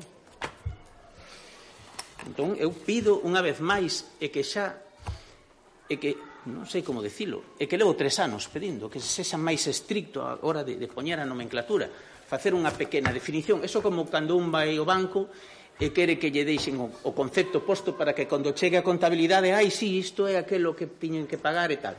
Pois aquí non, aquí, aquí é outras facturas, outros traballos, outras empresas, e non sabemos o que é. Entón, tes que ir a, tes que ir a referencia, pero as, as referencias son complicadas, e levan moito tempo, e precisamente o que non houve aquí, debido á premura con que vostedes, precipitación, diría, presentaron vostedes isto, pois é o que non hai, non hai tempo.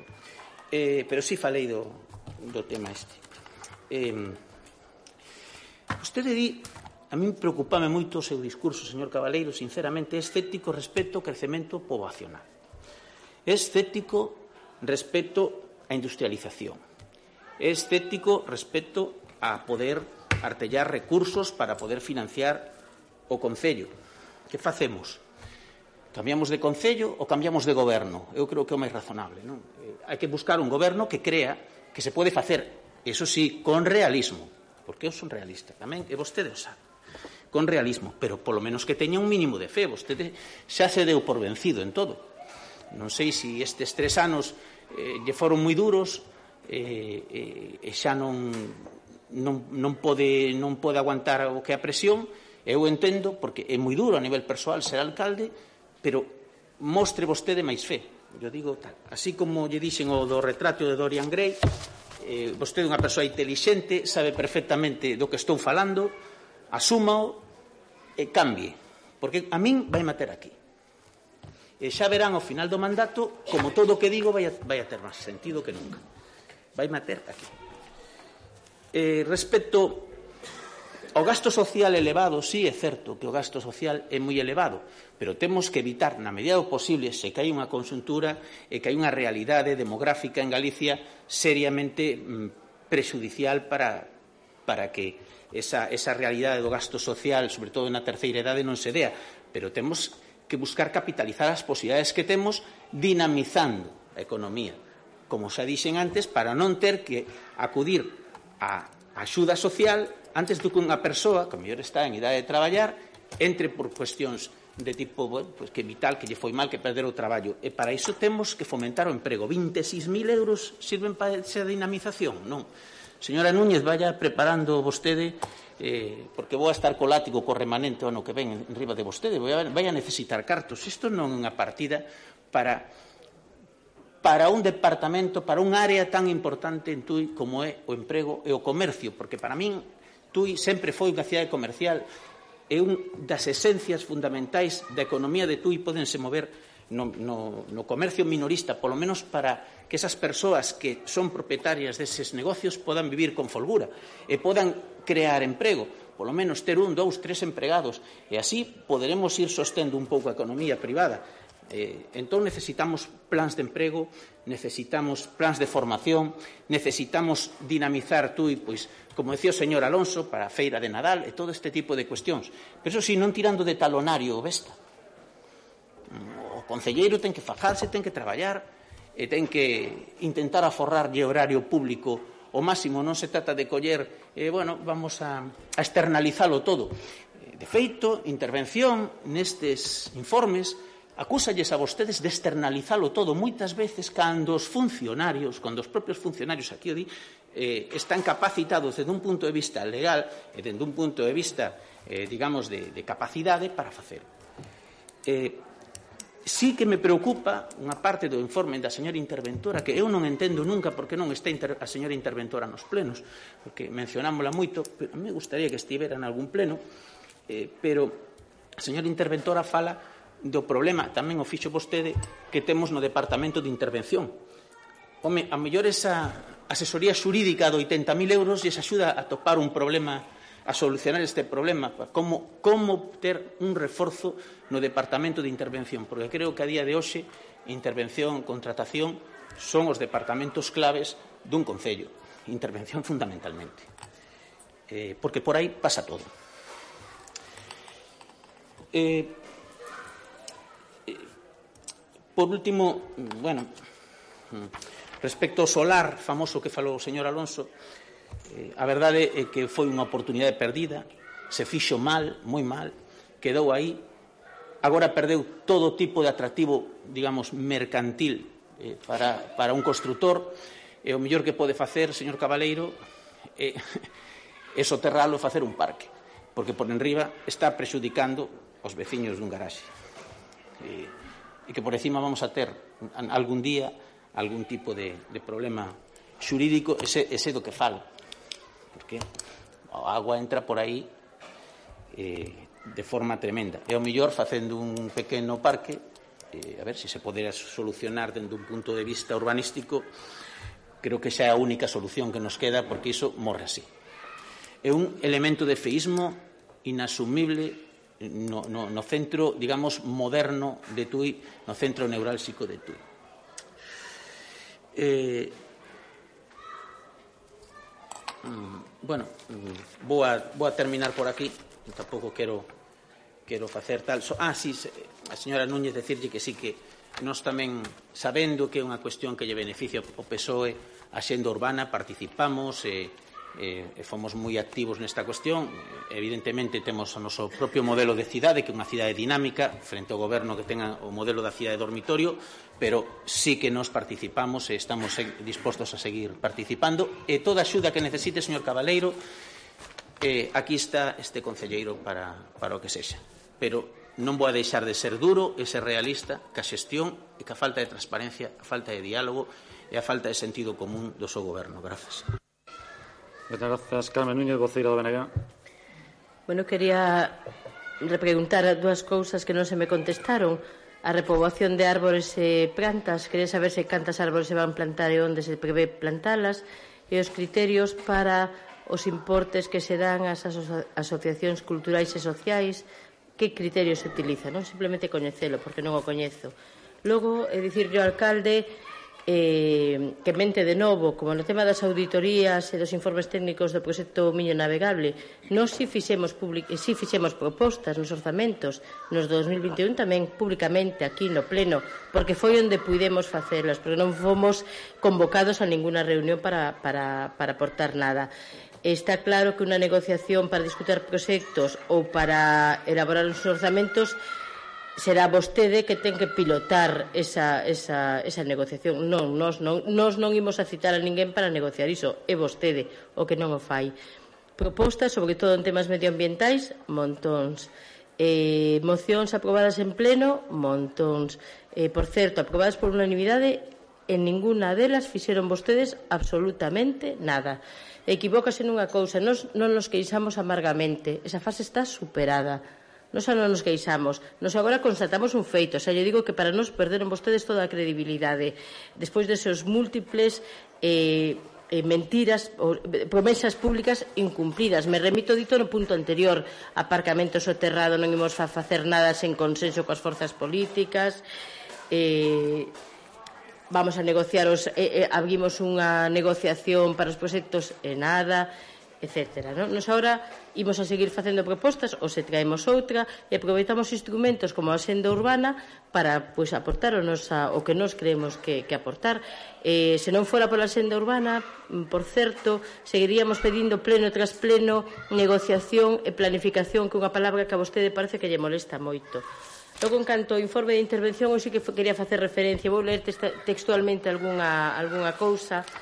Eh, fala a, a interventora do aumento total de gasto de 694.564 euros respecto ao orzamento anterior, que supón un 7,38% eh, de incremento, que xunto coas modificacións aprobadas en trámite no que vai deste exercicio 2022 financiadas con remanente líquido de tesourería, eh, que se aplicarán sobre o orzamento que se pre pretende aprobar, Se vai incurrir en estabilidade orzamentaria e unha reducción tamén importante do remanente líquido de tesourería, que se ben semella se manterá nuns niveis suficientes e operativos para a organización, invitan a prudencia.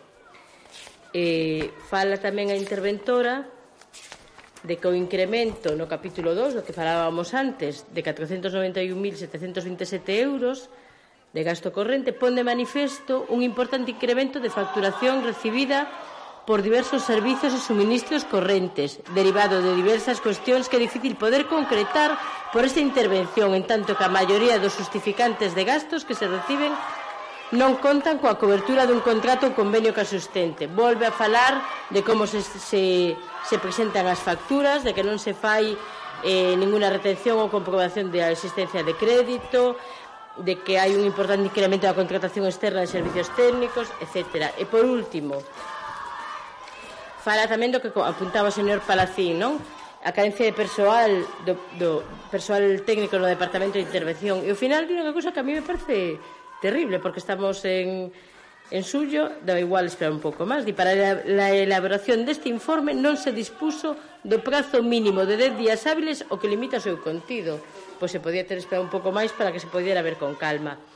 E logo unha reflexión que por último, pero non menos importante, ao contrario, quizás esa o máis importante, é que en temas de, de protección medioambiental, cero. O único que topamos é os 12.000 euros para plantar para plantas e árbores, non? Eh, comentaba antes o tema das facturas por electricidade e por carburantes, se había algún estudio e algún traballo de como se podían eh, minorizar eses gastos. Nin, supoño que ningún traballo, aquí non, non se especifica nada, non? E vendo os antecedentes deste goberno, os proxectos que se están facendo, xa estamos en suyo, e vou a resumir, obra no acceso á praia de Areiros en Guillarei, a vergonza da erva artificial no lavadoiro do Souto en Guillarei, o proxecto do mamotreto do aparcamento soterrado que vai acabar cunha, o que debería ser unha zona verde, vai facer unha esplanada de formigón, pero iso sí, como somos tan ecolóxicos, imos a por puntos de recarga de coches eléctricos, non? Bueno, pois eh, Todo isto vai en contra do que para nós debería de ser prioritario, do que debería ser o noso modelo de cidade, e, nós, dende logo, imos a votar en contra. Manuel González, vocero de Ciudadanos, por favor. Simplemente decir que vou votar en contra este punto de orden do día polo dito anteriormente. José Ángel Fernández, vocero do Partido Popular.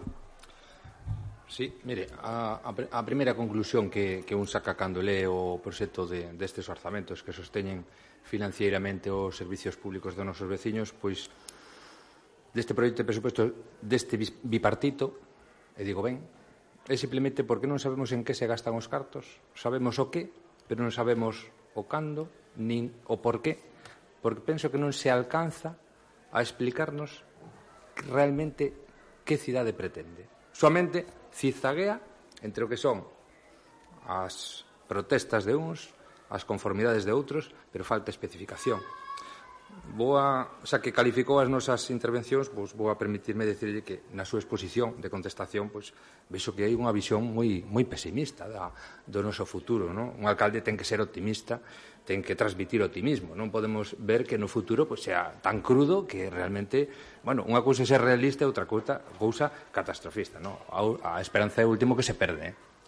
Entón, e, bueno. e despois, sí que é optimista co, co Partido Popular, que dice que, que neste, neste plenario se aprobaron orzamentos de 14 millóns, serán de pesetas, porque de euros, no orzamento municipal, 2010, ven na página do Ministerio, eh? acabo de miralo. 2010, 11, 2011, 11, 2012, 10, 2013, 9, 2014, 8, 2015, 8, 2016, 8, 2017, 8.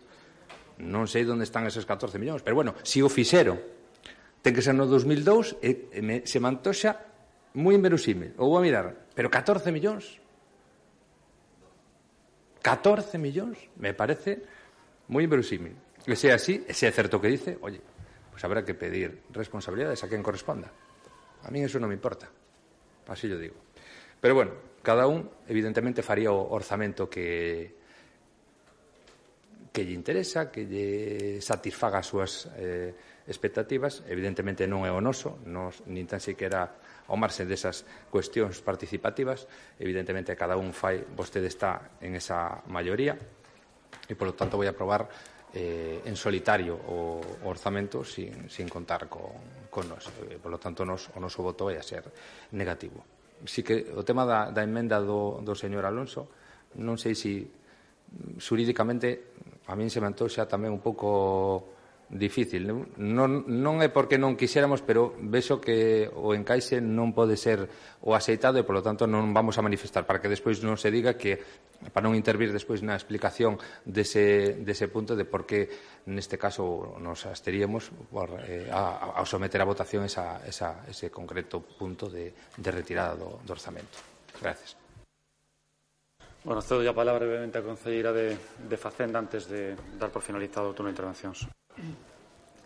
Eh, por alusión a determinadas cuestiones, eh, contestarle a, Carmen Núñez del Bloque Nacionalista Gallego que ese incremento que aparece en la partida de reposición de plantas es para ajustar a la realidad esos cambios que nosotros vemos en las plantas, en las macetas, en árboles que porque se están muriendo en estos momentos porque nos encontramos en una situación de sequía, donde a través del consorcio se nos ha solicitado a todas las administraciones públicas, en, concreto al Consejo de Tui, que se suspendan a fecha de hoy el sistema de riego y que intentemos minimizar ese gasto que estamos teniendo, porque evidentemente todos entendemos que en caso de practicar recortes, evidentemente es mejor aplicar al mantenimiento de parques y jardines y no tener que recortar el suministro a las personas, que ya veremos a qué circunstancias eh, nos vamos a llegar, nos vamos a acercar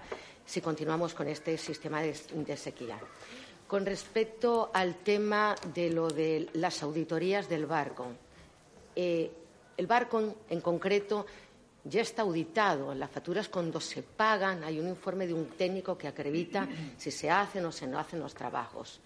Cuando se licitó, esa licitación ya está auditada. ¿Y qué significa y por qué digo de manera reiterada que hay auditorías? Porque si no hubiese auditorías, esas facturas que nosotros tenemos no las podemos subir a la plataforma europea y no nos hubiesen otorgado en el mes de, marzo una ampliación de plazos de dicho programa. Es decir, nosotros, igual que el resto de los concellos, estamos auditados por Badajoz y por Europa que entienden que ha alcanzado el desarrollo a fecha de marzo, que creo que fue la, ampliación, o en abril, que nos va a llevar al mes de octubre, se entiende que hemos cumplido con los objetivos necesarios, lo cual a nosotros nos permite subir pues, las facturas.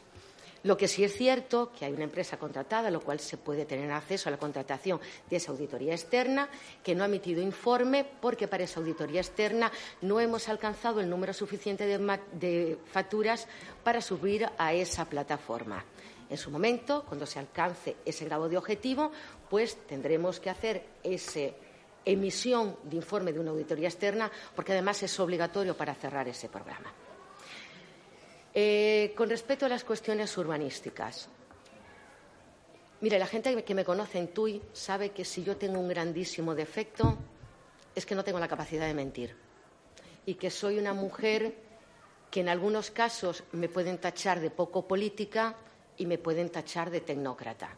Y mire, con respecto al proyecto de apertura de la calle Orense, que usted ha dicho que no está culminado el proyecto de ocupación directa, le voy a leer una publicación de acuerdo del medio de comunicación Atlántico del fecha de 13 de junio para que lo escuchen todos los ciudadanos y que vean que no solamente no se mienten, sino que es transparente para que los ciudadanos durante el periodo de tiempo que estuvo en exposición pública presentasen las alegaciones que consideraran pertinentes que solo uno de los afectados la ha presentado y está pendiente de resolver.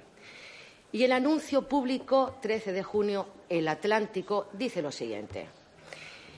El 7 de del del 2022, el señor alcalde del Concello de dicta la resolución en la que su parte dispositiva y de seguido se transcribe. Primero, aprobar inicialmente el proyecto de ocupación directa de los terrenos, unidad de actuación afectada, PI2. Instrumento de plan que se desenvuelve, estudio de detalle integrado, no presión. Segundo, abrir un periodo de información pública por un plazo de un mes desde que aparezca esta publicación de este anuncio en el Boletín Oficial de la Provincia y en uno de los jornales de mayor difusión de la provincia. Asimismo, el proyecto estará a disposición de los interesados en el portal de transparencia de la sede electrónica de este Concello y pone el enlace de la página del Concello. Mire, decir semejantes burradas. A mí me parece de gravedad. Alcalde, alcalde, non lle permito decir, que empregue eses termos e eu quero replicar. É eh? decir, semejante tipo de cuestiones, de que hai unha empresa, unha empresa de asesoramiento jurídico, que ha puesto trabas que ha hecho semejante tipo de cuestiones, a mí realmente no me afecta, porque los plenos están grabados y si esas personas que se encuentran perjudicadas en lo que hace referencia a su labor quieren acudir al juzgado por el ámbito penal, pueden acudir. No he sido yo quien lo he dicho. Mire, le voy a decir a mayores, 27 de junio, porque tengo la costumbre de apuntar todas las reuniones que tenemos del Departamento de Urbanismo. Y se lo voy a leer a la ciudadanía. Con respecto a la situación del Orrio, ha venido favorable con un determinado requerimiento, que es lo que más nos ha costado por parte eh, de la Consellería de Cultura, que nos dicen que tenemos que hacer un modificado del proyecto y que no se nos permite hacer ese desmontaje, llevarlo a la nave y ubicarla en la nueva parcela que es zona de aprovechamiento, en los cuales nos dice que tenemos que retranquear la distancia mínima y se ha quedado acordado hoy con patrimonio que va a ser tres metros. Una vez elaborado ese proyecto que ya no requiere más tramitación de patrimonio, y contestabas las alegaciones que son en términos económicos y que solamente repercuten al proyecto de equidistribución, no al proyecto de ocupación directa, el Concello de Tui, con la cuantía de dinero que tiene pertinente, puede iniciar la licitación de las obras. Y no lo digo yo, lo dice un medio de comunicación, lo dice el BOE, lo dice la resolución de cultura y lo dice el propio expediente. Con respecto y referencia al suelo, que es de titularidad municipal y que en su momento se inició una construcción que a fecha de hoy no ha quedado colmatada, el problema que nos hemos encontrado y debido a la, a la decisión que tomó el Departamento de Secretaría, si bien es cierto con discrepancias del Departamento Jurídico de Urbanismo del Concello de Betuy, fue que acudiésemos a subasta. Y el motivo fue una demanda que el Concello Betuy en su momento tuvo que resolver cuando se acudió a la compra y permuta de un suelo para poner a disposición de esa edificación de la construcción de un ambulatorio, que nos llevó a un acuerdo privado entre el anterior alcalde en su momento y los titulares de esa propiedad, que decía lo siguiente que en caso de que el ambulatorio ahí no se construyese, debíamos devolver una cuantía determinada de dinero y los materiales. Y en caso de que el ambulatorio se construyese, en dichos bajos y de manera futurible, esa parte de abajo del ambulatorio tenía que quedar como un bajo comercial con, determinados condicionantes a disposición, a beneficio y dación de las empresas, de la empresa, mejor dicho, de la familia titular de dicha propiedad.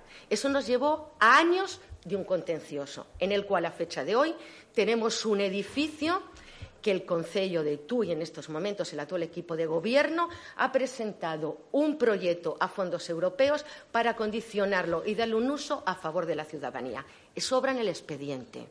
Obra el contrato privado, obra las demandas presentadas, que a una fecha de hoy esos titulares de la propiedad siguen reclamando determinados tipos de cuestiones. Debido a eso, la oferta que nosotros teníamos de la empresa que en estos momentos está construyendo al lado es hacer una venta en futuros, es decir, disponer a fecha de hoy de dicha propiedad para poder hacer la ampliación de su proyecto y que en un futuro una vez construida la edificación, podríamos valorarlo de manera equivalente el coste de esa propiedad, del cual el Concello de Tui, para poder tramitarlo, hizo una peritación externa y cambiarlo, permutarlo por uno de los bajos de ese edificio. Esa es la realidad. El Concello entendió que después de haber visto que en situaciones similares no se llegó a futuro y nos vimos en unos problemas judiciales que nos llevamos años arrastrando, se decidió, por lo que entendía la secretaria, subastar de manera pública para que cualquier empresa promotora pudiese adquirir esa propiedad y construir. Eso es lo que obra en el expediente. Eso es lo que obra en el expediente. Y cualquier ciudadano está en su legítimo derecho de acceder a los expedientes o tirar de meroteca en los medios de comunicación y recordar lo que pasó a lo largo de los años por unas circunstancias muy similares que condujeron a problemas que este Concello arrastra. Y lo vuelvo a repetir, Tan es cierto que el proyecto de ocupación de la calle Orense está colmatado como esa publicación que está el 13 de junio en un medio de comunicación y con fecha posterior en el BOP. Yo puedo entender que se pueden hacer políticas de muchas maneras y yo puedo entender que se pueda tener una enquina con una persona determinada. Pero cada uno tiene que ser responsable de sus palabras. Y yo no he mentido y cualquier ciudadano de los que están aquí o me están escuchando por la radio pueden acudir a la hemeroteca, pueden acudir a ese medio público de comunicación como es un periódico y ver el anuncio que yo les estoy diciendo. Y si hace falta, digo la página que es. Esa es la realidad. 13 de junio. El resto que se está diciendo, cada uno se tiene que hacer responsable de sus palabras. Muchas veces se lo he dicho a muchos de los compañeros que están aquí presentes. Somos presos de nuestras palabras. Los plenos están grabados y las empresas, las personas que están afectados tienen el legítimo derecho de acudir a los juzgados vía penal para solicitar pues, lo que ellos consideren pertinente. un matiz. Vamos eh, abrir un terceiro turno sí, de réplica eh, moi breve. Eh, bueno, lamentar que a Conselleira de Urbanismo non teña recursos lingüísticos e eh, utilice a expresión decir burradas para referirse a un compañero de corporación. Eu creo que se pode mm, utilizar un léxico máis axeitado. Pídolle que retire esas palabras porque creo que é unha falta de respeto e unha falta de educación que definen un pouco a súa persoa. Mire. En principio. No, retiro, no me interrumpa, pero, no me interrumpa. Disculpe, usted no, me ha me dicho que retire mis palabras y yo, evidentemente, retiro mis palabras. Quizás bueno. yo soy licenciado en económica bueno. y no soy profesora bueno. latín y griego. Usted las ha entendido mal en ese sentido y yo pido mil disculpas a ustedes y a la ciudadanía. No tiene nada que ver ni ser profesor de latín o griego ni, ni ser de económicas, é ter educación. Eu creo que é un, un principio básico que pode ter calquera persoa. Non necesita ter estudios ni licenciatura. Pero hai unha cousa que sí quedou clara neste, nesta exposición que fixo vostede vostede será a Conselleira de Urbanismo, pero descoñece totalmente o urbanismo de Tui, porque estáme falando dunha parcela que é na rúa Camilo José Cela e eu estou me referindo a unha parcela que é na rúa Ourense. Estamos falando de cousas totalmente distintas. No, no, no, no, no. Está falando, está falando de dúas cousas distintas. Hai informes, e repito, hai informes, hai informes técnicos de técnicos municipais que din o que din E vostedes tomaron unha decisión, neste caso vostede como responsable, e alá vostede con esa decisión. Alá vostede con esa decisión. Esa é a realidade. E non vou a decir nada máis. Está grabado, como di vostede, está grabado e vai quedar para a hemeroteca a disertación que vostede fixo sobre unha parcela que non ten absolutamente nada que ver ca que estábamos abordando, nada máis. E vostede é a Conselleira de Urbanismo. Bueno, eu esa, a ese respecto desa, desa proposta de permuta a mí sí que me choca, me chama poderosamente a atención a súa postura. Que defenda vostede os intereses dun promotor privado en contra dos intereses municipais. E hai que explicarlo á ciudadanía. O que marca o procedimento, o que marca o procedimento, independientemente dun informe que no seu momento se emitiu no Departamento de Urbanismo, e que esa parcela de titularidade municipal había que sacar a subasta e o mellor postor se levaría a parcela. O que non quería o promotor da vivenda colindante era pagar. Era pagar. Claro, el viñalle mellor, mellor, facela, disculpe a expresión, a chambonada, de a ver se caíamos no tema da permuta. Hombre fantástico. Lle permutamos a él, E aquí está o voceiro do Partido Popular que sabe perfectamente do que falo porque ten experiencias de traballo e ten formación suficiente. Se evitaba pagar a parcela e facíamos unha permuta, pero digo permutar por qué? Porque nos íbamos a permutar o noso terreno con un valor determinado e por que o permutábamos? Polo resultado de que? De un baixo de que?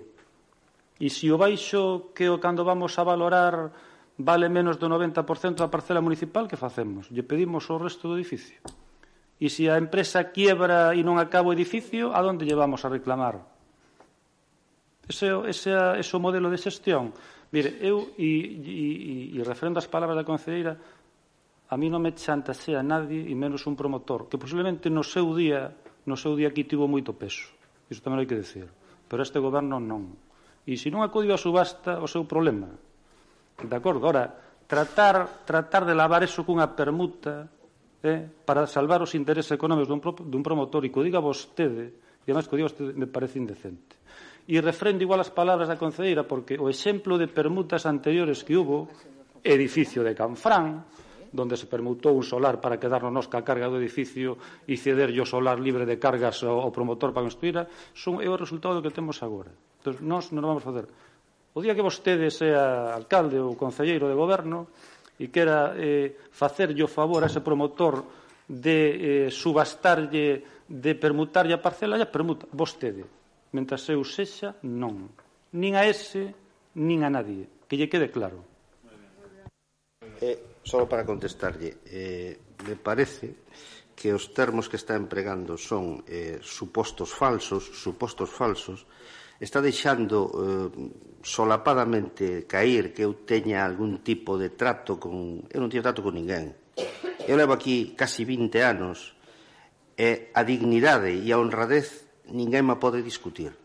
Eh, e pareceme miserable pola súa parte que trate de deixar cair ese tipo de cuestións. Mire, digo unha cousa. Hai un informe técnico desde o Concello feito por un técnico municipal que di que se podría facer unha venta ad futurum. Non fala de permuta, unha venta ad futurum está escrito negro sobre blanco e vostedes optaron por outra vía. E a min non me veña con películas nin con historias, iso está no expediente. E eu digo, Por que non se optou por esa vía, tendo en conta que a da subasta foi un fracaso? Xa está. Podería decirlle, podería decirlle moitas cousas, pero prefiro non decilo porque son conversas privadas de algunhas persoas que están aquí con eses promotores. Pero prefiro non, non deixar caer, non teño a moral que ten vostede, a baixeza moral de falar de deixar caer que eu teño negociacións cos promotores. Mire, se eu, que fui un concelleiro do seu goberno, nalgún momento me plantexase un tipo de negociación dese tipo ao mesmo día dimitía. Vale? E, polo tanto, non deixe cair a sospeita. Non deixe cair a sospeita. Eu lle digo que hai un informe dunha técnico municipal no que di esta parcela se pode ir unha venta ad futurum. Iso é certo. E xa está. E era unha posibilidade. E eu lle dixen sempre que se podría ir por esa, por esa vía O outro foi un fracaso, nada máis. É responsabilidade súa, é responsabilidade súa, non é responsabilidade miña. Pero non deixe cair, non deixe cair, lle pido que retire iso, porque parece como se eu tivese intereses, que non teño ningún interés, absolutamente ningún interés. Simplemente defendo os intereses dos cidadáns de Tui. Ahora queda unha parcela inutilizada e, como dixen antes, para criar ras. Porque ali non hai futuro ningún, nadie se vai meter nesa urbanización, nada máis. Algún turno de intervención máis? Se non hai máis David, brevemente, por favor. Sí, é moi breve. Eh, contestando a concelleira, eh, a sequía é consecuencia do que facemos. Eh, pois co problema da sequía que está vostede contando, aínda entendo menos o que están facendo. Non entendo que se fagan sardins con mantemento hídrico de tolos, no? por exemplo, os sardins de troncoso. Non entendo que se poñan sardineiras, plantas, en vez de plantar árbores. Por certo, proposta que fixemos varias veces neste pleno. E a seca é consecuencia de tanto arboricido. E, entendo todavía menos o, a erva artificial no lavadoiro de Souto en Guillarei, non entendo nada, non entendo nada a esplanada de formigón que van facer no, na traseira da área panorámica. O mellor que hai para as secas. E logo as medidas medioambientais de protección medioambientais, a estas alturas teñen que ser moito máis ambiciosas que por luces LED e que por contendores e aquí e alá. Teñen que interiorizarse todas esas medidas. Tenen que, esas medidas teñen que impregnar todo e telo en conta en todas, nas licitacións, nos proxectos, no modelo de mobilidade. E logo, por último, xa que di que vostede nunca minte e teña en conta que, como dixo vostede, queda presa das súas palabras, quero preguntarlle se hai algún informe no expediente do proxecto Miño Río Navegable onde diga que certifique a antigüedade do barco. Existe ese informe? E, e se así, se existe, como é posible que este teña matrícula do ano 2003? Se ten que ter unha antigüedade de 2019 a 2021.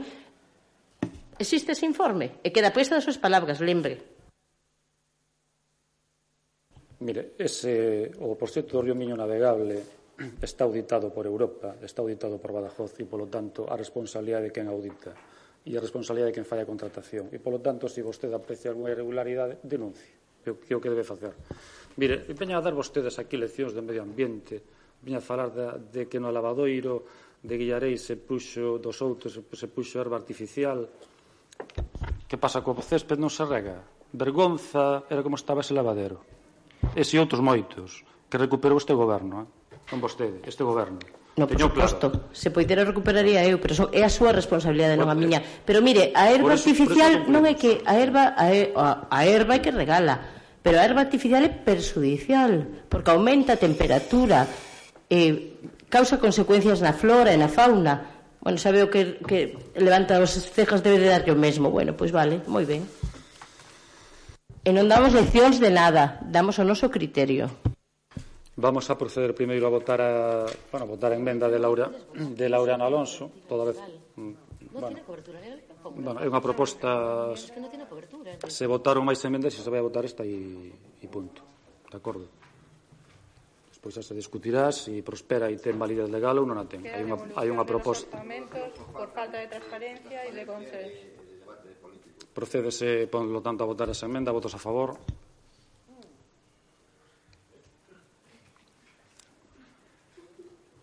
Votos en contra. Queda desestimada a emenda por oito votos. Abstenciones, Enrique, las abstenciones hay que votarlas. E hai tres, hai catro, catro abstencións, tres do Partido Popular e unha de Converxencia 21, cinco, cinco. Queda, polo tanto, desestimada a emenda. Votamos o proxecto de orzamentos para o ano 2022. Votos a favor. Oito votos a favor do Grupo do Goberno, votos en contra oito votos en contra do conxunto dos grupos da, da oposición. Ast abstención son abstención de Laureano Alonso. Queda, polo tanto, aprobado inicialmente o proxecto de orzamento o 2022. Os puntos 4, cuarto e quinto son bonificacións de ICIO. Se lles parece, pois os votamos de forma conxunta. Lea a proposta a Secretaria Municipal.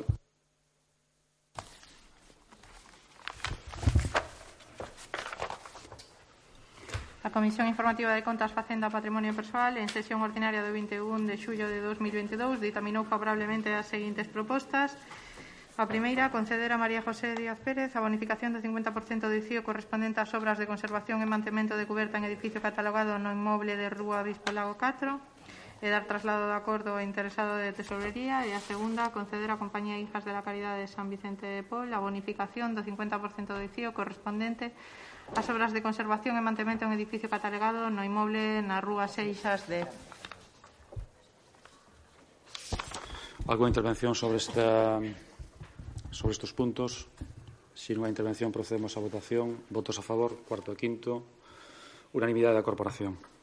Punto sexto, ditame da Comisión Informativa de Ensino, Servizos Sociais, Cultura, Turismo e Deporte, favorable á moción sobre o control dos apartamentos e vivendas turísticas presentada polo señor Alonso Álvarez do, do Grupo Mixto, que lle cedo a palabra. Eu teño que defender, eh, entendo que desde a presidencia se debería un punto de orden do día, non?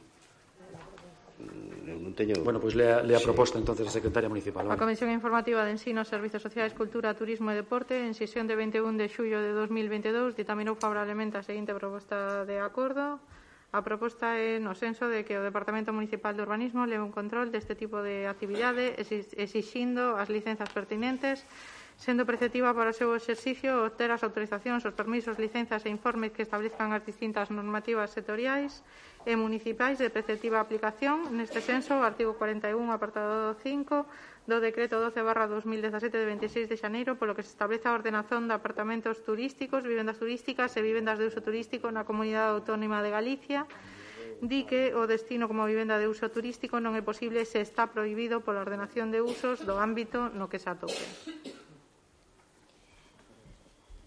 Señor Alonso, por favor, que usted foi promovente da Sí, bueno, da moción. nos eh, presentamos esta moción no pleno anterior. Agradezo yo ao grupo de goberno que fose sensible que utilizese o seguinte pleno, porque é unha cuestión eh, que nestes momentos está xerando moitísimos problemas, moitísimas polémicas, sobre todo en cidades con cascos históricos eh, e potencialidade turística importante, como poden ser Santiago de Compostela ou Pontevedra. Hai, de feito, unha sentencia do Tribunal Superior de Justicia de Galicia que eh, afecta ao Concello de Pontevedra e que eh, di que eh, a partir de, de, de xa, desde de, de esa sentencia, os concellos deberían ter un control sobre as vivendas e os apartamentos turísticos.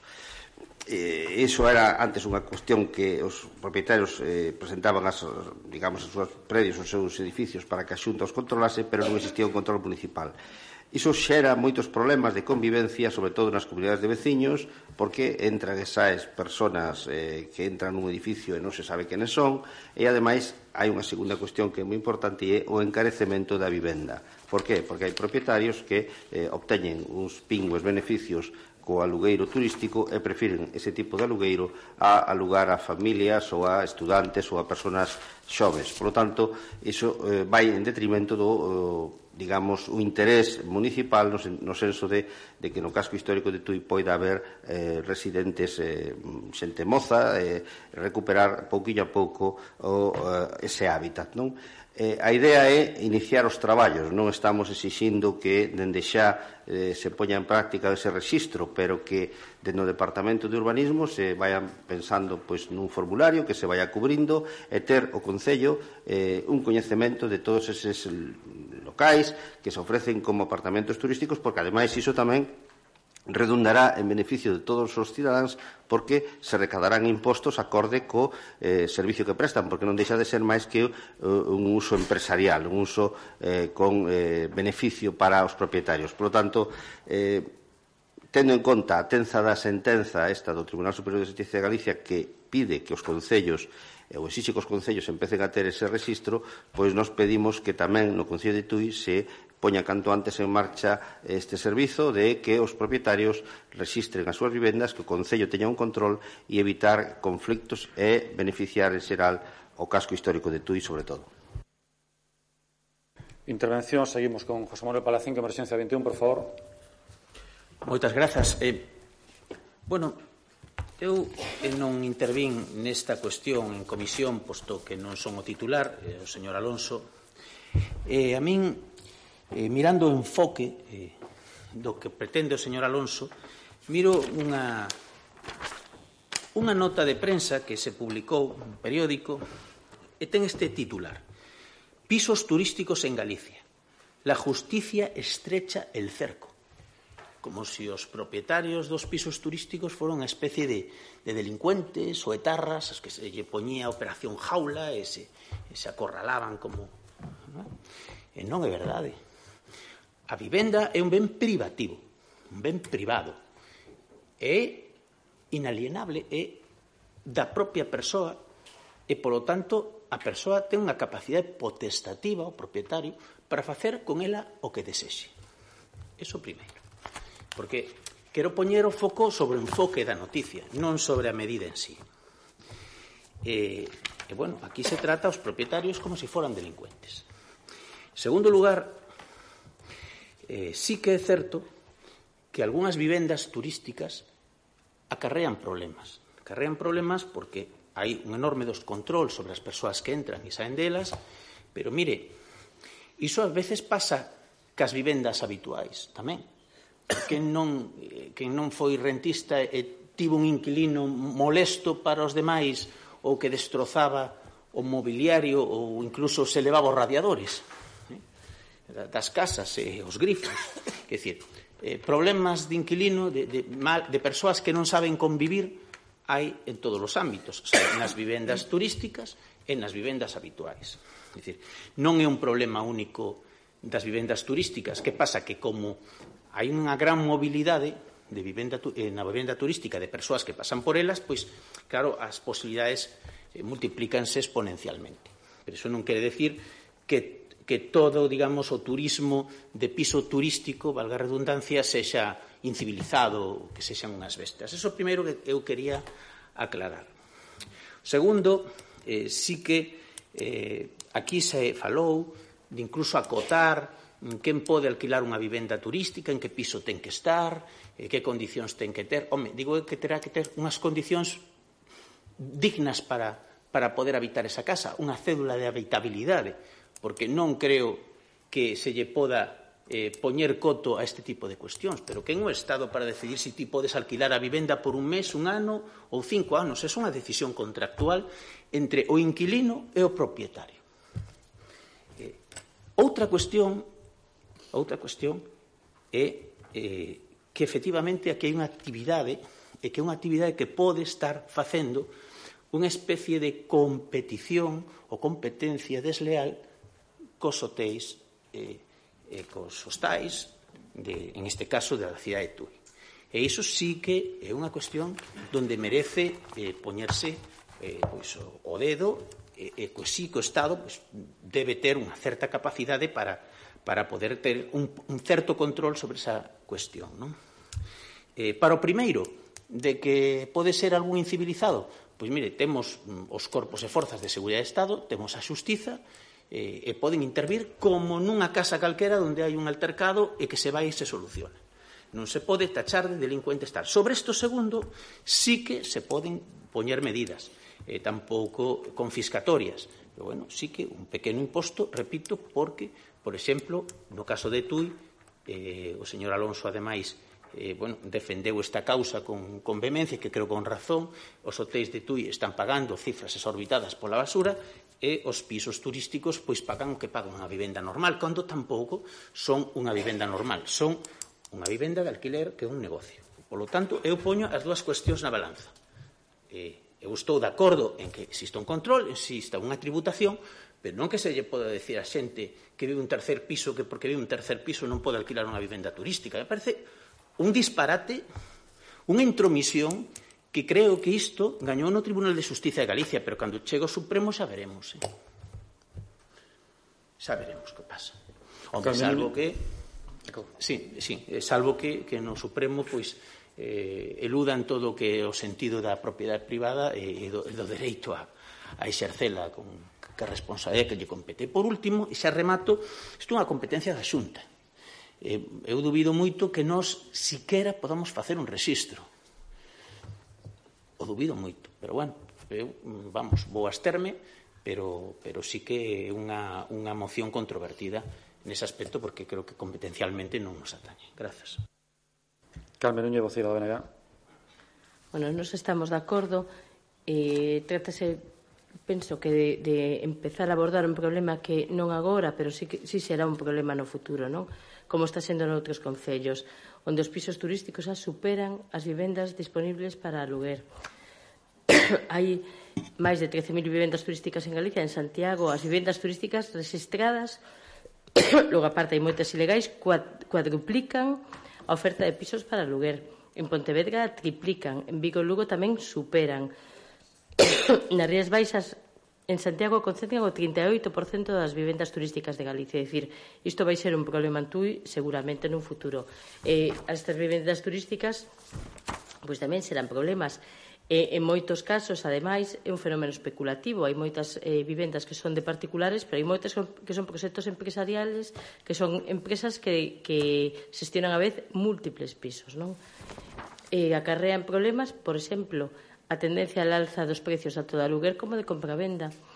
Eh, a falta de, de, de vivenda para aluguer para uso habitacional normal. Entón, bueno, empezar a, a ter en conta este problema porque está incrementándose moito, eh, pareceme moi, moi acertado, nos imos a votar a favor. Manuel González, vocero do, de Ciudadanos, non, non intervén. José Fernández, vocero do Partido Popular. Sí, o fío do dito polo voceiro de Converxencia 21, sin entrar en polémica, eu discrepo un pouco desa visión liberal ou ultraliberal da, do dereito de propiedade. A función social da propiedade está establecida na, na Constitución. De feito, existe institucións como a expropiación forzosa. E, de feito, a función social delimita o propio contenido do, do, do dereito de propiedade. Pero, bueno, en todo caso, falar de control implica tamén falar de competencias para ese control.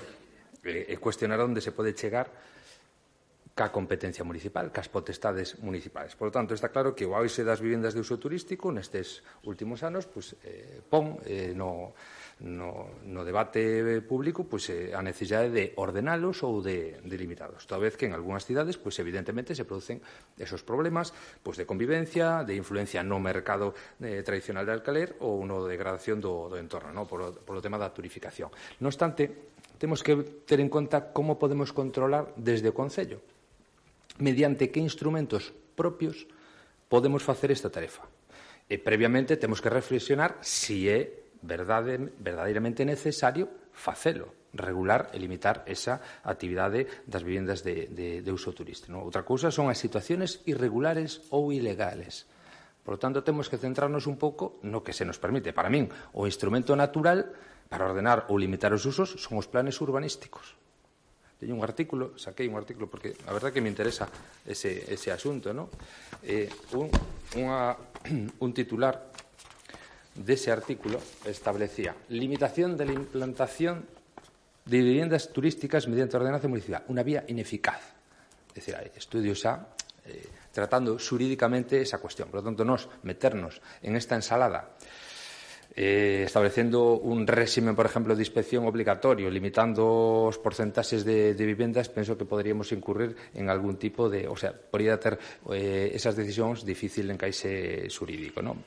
potestades tributarias tampouco temos para poder establecer unha, unha taxa, sería a competencia eh, autonómica. O único que valería sería unha regulación urbanística no noso plan, pois, mediante zonificaciones, mediante establecemento de incompatibilidades, pero, bueno, eso, eh, eh, si xa temos problemas noutros eidos urbanísticos como para meternos nesta, nestas eh, cuestións. O, o planteamento tamén de fondo da cuestión, da moción, perdón, parece ser que o control das situacións ilegais. E para isto, bueno, a ordenación da actuación administrativa nesta materia a ten a Xunta de Galicia. Mediante un decreto do ano 2012 se regulan este tipo de actividades. E para iso eh, a inspección, o Corpo de Inspección eh, Turística verifica os requisitos que a norma autonómica establece perseguindo as situacións eh, irregulares. En isto o Concello pouco nada pode facer, máis que igual remitir algún tipo de denuncia se si houvese un corpo de inspección urbanística no noso Concello, que, non so, que incluso nos interesa máis supervisar situacións ilegales das situacións urbanísticas que se poden dar que ese tipo de cuestións. Entón, vemos que dimensión pode ter este problema no noso Concello, analizalo convenientemente e a partir de aí tomar unhas medidas. Isto está pensado para cidades grandes como Barcelona, Bilbao, etc., no que este tipo. Pero, bueno, eh, as situacións irregulares van a ser esas ou o mismo que decía no, no poñernos eh, eh, nunha potestade que non nos corresponde, como se nos poñemos en, na situación de facenda. Non? Pois a xente sabe que arrendando unha vivenda ten que tributar por esos rendementos que obtén. Entón, que nos vamos nos a poñer a ver se si eh, dentro de TUI cando se arrendan eh, en fraude de lei para, para perseguilos. Non sei.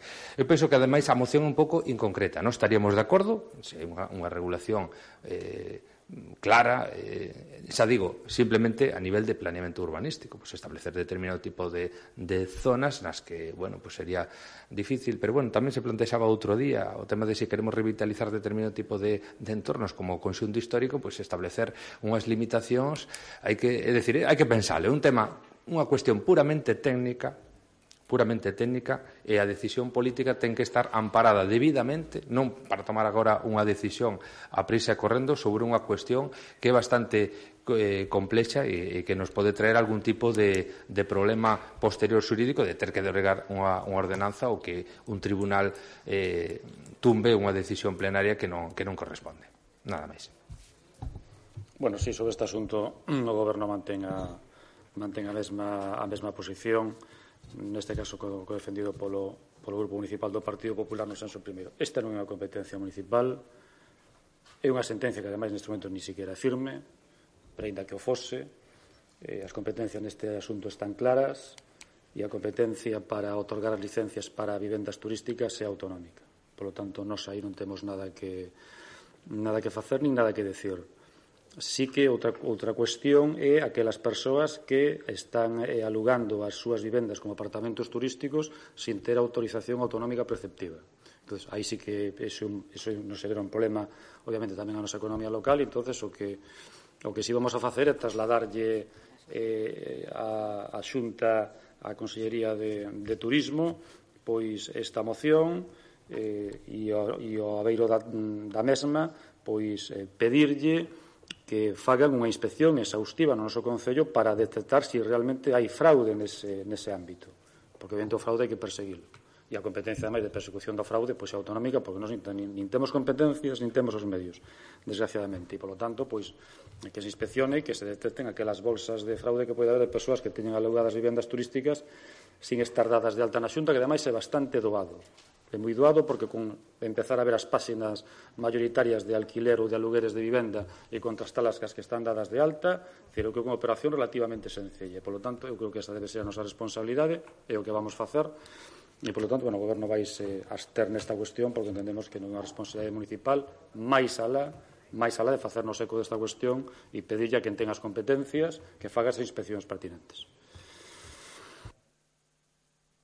Vamos proceder, por lo tanto, a, a votación desta moción. Aclaración, vamos a ver. Eh, aquí vamos a votar a favor, no, polo que eu entendín, tres, tres concelleiros, eh, vai haber abstención maioritarias mm, eu creo que eh, non ten moito sentido que se vote con tres votos a favor non? Entendo que o mellor eh, se hai ese compromiso por parte de, do equipo de goberno da alcaldía de xestionar isto eh, nós estamos dispostos a deixarlo en riba da mesa e que non se vote porque tampouco tería moito sentido votar con, partir con tres votos a favor e o resto abstención non, non sei. Me parece a min que o máis importante a idea da moción era poñer isto en, a pelota en xogo é dicir que que o Concello de Tui empezase a preocuparse por esta cuestión, porque xa saltou máis alada que a sentencia ainda non se xa firme en Pontevedra e en Santiago, e un pouco poñase a traballar. Se hai ese compromiso por parte da Alcaldía, nós estamos, vamos, en Marea está disposta a deixarlo en riba da mesa e, e xa está, porque votarlo me parece a min que, que non ten moita forza, non? Nada máis. Bueno, deixámoslo todo en, en riba da mesa e no momento que traslademos a proposta da Consellería de Cultura e a trasladaremos tamén ao conxunto de, de grupos da corporación. Votamos de sala en riba da mesa. Vale. Sí. Votos a favor de sala en riba da mesa. Unánime da corporación. Punto sétimo, ditame da Comisión Informativa de Honores e Distincións favorable á proposta da Concellería Delegada de Ensino e Cultura de concesión a don Luis Quinteiro Fiuza, bispo da IOCS Tui Vigo da Medalla de Honra do Concello de Tui na súa categoría de Euro, le a proposta Secretaria Municipal. Comisión Informativa de Honores sin Distincións, en sesión do 21 de xullo de 2022, determinou favorablemente a seguinte proposta que acordo. Esta moción recollida, a motivación recollida no documento de exposición razoada emitido polo técnico medio de arquivo, biblioteca e museo do Concello de Tui, de data 19 de xullo de 2022, e a beiro do establecido no artigo 24.2 do Regulamento para a concesión de honras e distincións do Concello de Tui, formulas a seguinte proposta conceder a medalla de ouro do Concello de Tui a Monseñor Don Luís Quinteiro Fiuza, bispo da diócese de Tui Vigo. Alguna intervención sobre este sobre este punto? Si non hai, si non hai sí. intervención, sí, Palacín, por favor. Sí. Bueno, eh, simplemente eh, comentar que, que o marxen da figura, eh, digamos, eh, eclesiástica, os, o beneficio que truxeu para, para sí. Eu quero simplemente subliñar que é unha figura intelectualmente potente eh, que é cercana do, dentro dun prisma humano e creo que home, ao marxen de que ningún interven neste pleno, sí que iso quería deixalo en riba, en riba da, da mesa e, e por, polos micrófonos, non? Unha persoa que dá gusto falar con el e, e polo tanto sí que Iso me parece importante suliñalo. Respecto ao demais, pois, eh, non, non vamos a facer comentarios. Non habendo máis intervención sobre este punto, procedemos á votación do mesmo. Si, Benega, por favor. Bueno, o BNG mm, non está de acordo da forma de entregar a medalla, porque nos nos falaron nos para eso, e creemos que hai moitas persoas máis en Tui merecedoras dunha medalla de ouro que o mellor co bispo que está neste, que está neste momento, non? creemos que, bueno, nos anos 50, por exemplo, se entregaba o cura co alcalde e a Guardia Civil. Parece que volvemos a esa, porque entregamos unhas clarisas, outras a Guardia Civil e ora ao clero. Entonces creemos que non é de recibo, de recibo, porque o obispo está facendo o seu traballo e creemos que habei moitas persoas máis en Tui merecedoras dunha medalla de ouro que nestes momentos o señor obispo. Por iso vou, vou votar en contra. Procedemos, por lo tanto, a votación de este punto. ¿Votos a favor? 15 votos a favor, votos en contra, dos votos en contra del Bloque Nacionalista Galego. Queda, por lo tanto, aprobada a proposta. Mocións de urxencia, grupos políticos teñen algún grupo, algunha moción de urxencia para presentar? BNG. BNG, por favor. Leo a moción. Na súa actual ubicación a parada de taxis está lonxe de zonas de importante mobilidade de veciños, como son o centro de saúde, as paradas de autobús ou o mercado. Ademais, agora mesmo dita parada está situada nunha rúa estreita con pouca visibilidade, onde non conta sequera con bancos que poidan facilitar os tempos de espera. Por todo isto, recollendo tamén as inquietudes de moitos profesionais do sector do taxi de Tui, solicitamos o traslado da parada de taxis a unha nova ubicación que entendemos que podería ser na Rúa Compostela, entre a Rúa Casa e a Rúa Ourense, cercanas zonas de maior mobilidade de veciños, centro de saúde, mercado, etc., e cerca das paradas de autobús. Solicitamos tamén que se dote dunha zona cuberta na mesma. Concelleiro Delegado de Tráfico, por favor, José Mamán. Si, sí, bueno, votamos a urxencia da moción, votos a favor. Unánime, procedemos ao debate.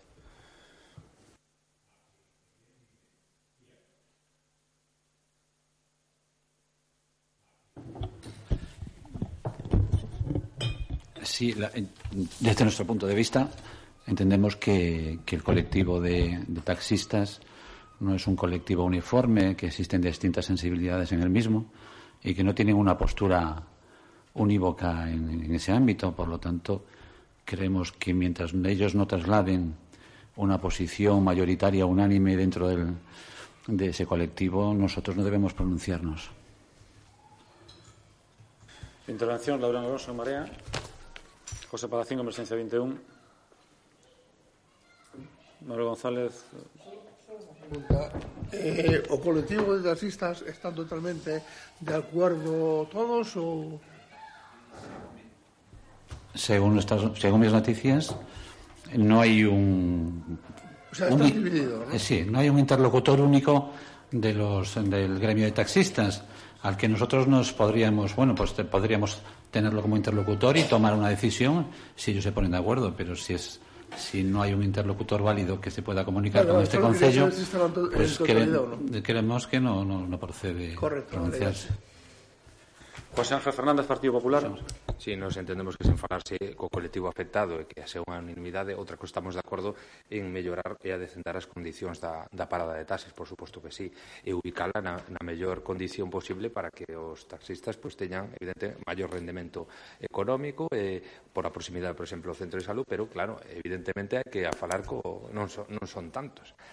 Me, poderíase incluso instar a, a unha reunión con eles eh, e plantear a, alguna, alguna cuestión. Non sei se no regulamento do taxi establece alguna disposición en relación a que a ubicación ten que ser por eh, acordo plenario, non sei, eh, habría que consultarlo, pero en todo caso, se non, non estaríamos de acordo no que os destinatarios finais da, da parada pois decidisen.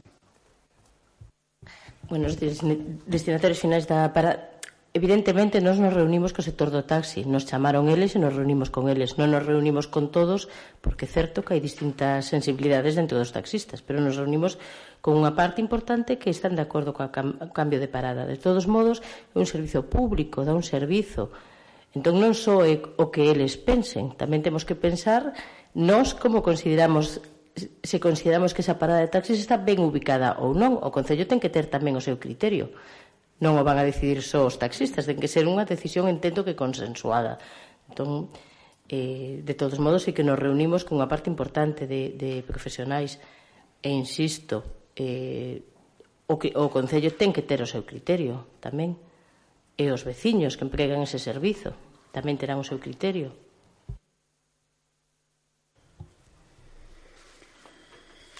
Bueno, por parte do, do Goberno Municipal, de feito, xa, xa houve conversas no seu momento co colectivo porque o Goberno Municipal entendía que a actual ubicación non ia máis idónea, pero entendo que non houve, non houve acordo. Había división e había uns que sí e outros que, e outros que non. Por lo tanto, eu creo que se si agora pois a xur desta iniciativa hai un sector mayoritario que está disposto a cambiar, pois eu creo que que escoitalos a, a todos e tomar esa bueno, e tomar esa, esa decisión de, de cambio ou, ou non, repito, partindo da base que nos entendemos que, que a actual ubicación tampouco é a máis é a máis aceitada. entonces bueno, pois eh, falaremos con eles porque se ao final eles tamén eh, eh, van a este valles a crear un conflicto pois eh, laboral particular entre eles, pois bueno, o goberno tampouco debe contribuir eso. Eu creo que deberíamos seguir dialogando se si hai unha posición, cando menos unha maioría pois suficiente estudiar esa, ese cambio de ubicación. Pola nosa banda non hai, non hai maior problema, pero, de feito, sí que xa se tiveron conversas previas e non, se, non se chegou ese acordo pola, pola falta de acordo deles, eh, neste, neste senso. Alguna intervención máis sobre esta cuestión? Procedemos a votar neste... Sí. Home, eh, é que votar a moción eh, sin ter unha resolución eu creo que é mellor que quede en riba da mesa e eh, que se sigan cas conversas e despois Eh, tomar unha decisión, pero eh, nos estamos de acordo en deixalo en riba da mesa? Se se fai algo, se se si fai se como fai... con todas as mocións que se aproban e que quedan aí non se fai nada, non. Está, a deixamos en riba da mesa pero para facer algo en relación a a facer algo, claro, evidentemente. Mm, bueno, nos asumimos o compromiso de citar aquí aos, aos representantes e ter unha conversa e, e en función disso, eso, pues, tomar unha decisión. Votamos entonces para deixarlo en riba da mesa, votos a favor. Unánime. Alguna moción máis de urxencia? Se non hai mocións de urxencia, pasamos á dación de contas. Os puntos 9 e 10, bueno, constan no expediente de pleno. Pasamos a, a rogos e preguntas. Laureano Alonso en Marea, por favor. Sí, bueno, eu eh, xa fago un, unha pregunta de un xeito insistente porque me parece que hai pouco interés por parte do goberno ou certa deixadez en resolver este asunto, que foi polo que en Marea abandonou o goberno, e xa teño falado co alcalde, pero me preocupa que non se traia a este pleno eh, a posible modificación da ordenanza ou simplemente que aqueles establecementos que están pagando unha tasa tan abusiva se, se mova o seu epígrafe a outro e que pasen a pagar unha, unha cuota moito máis, unha tasa máis razonable.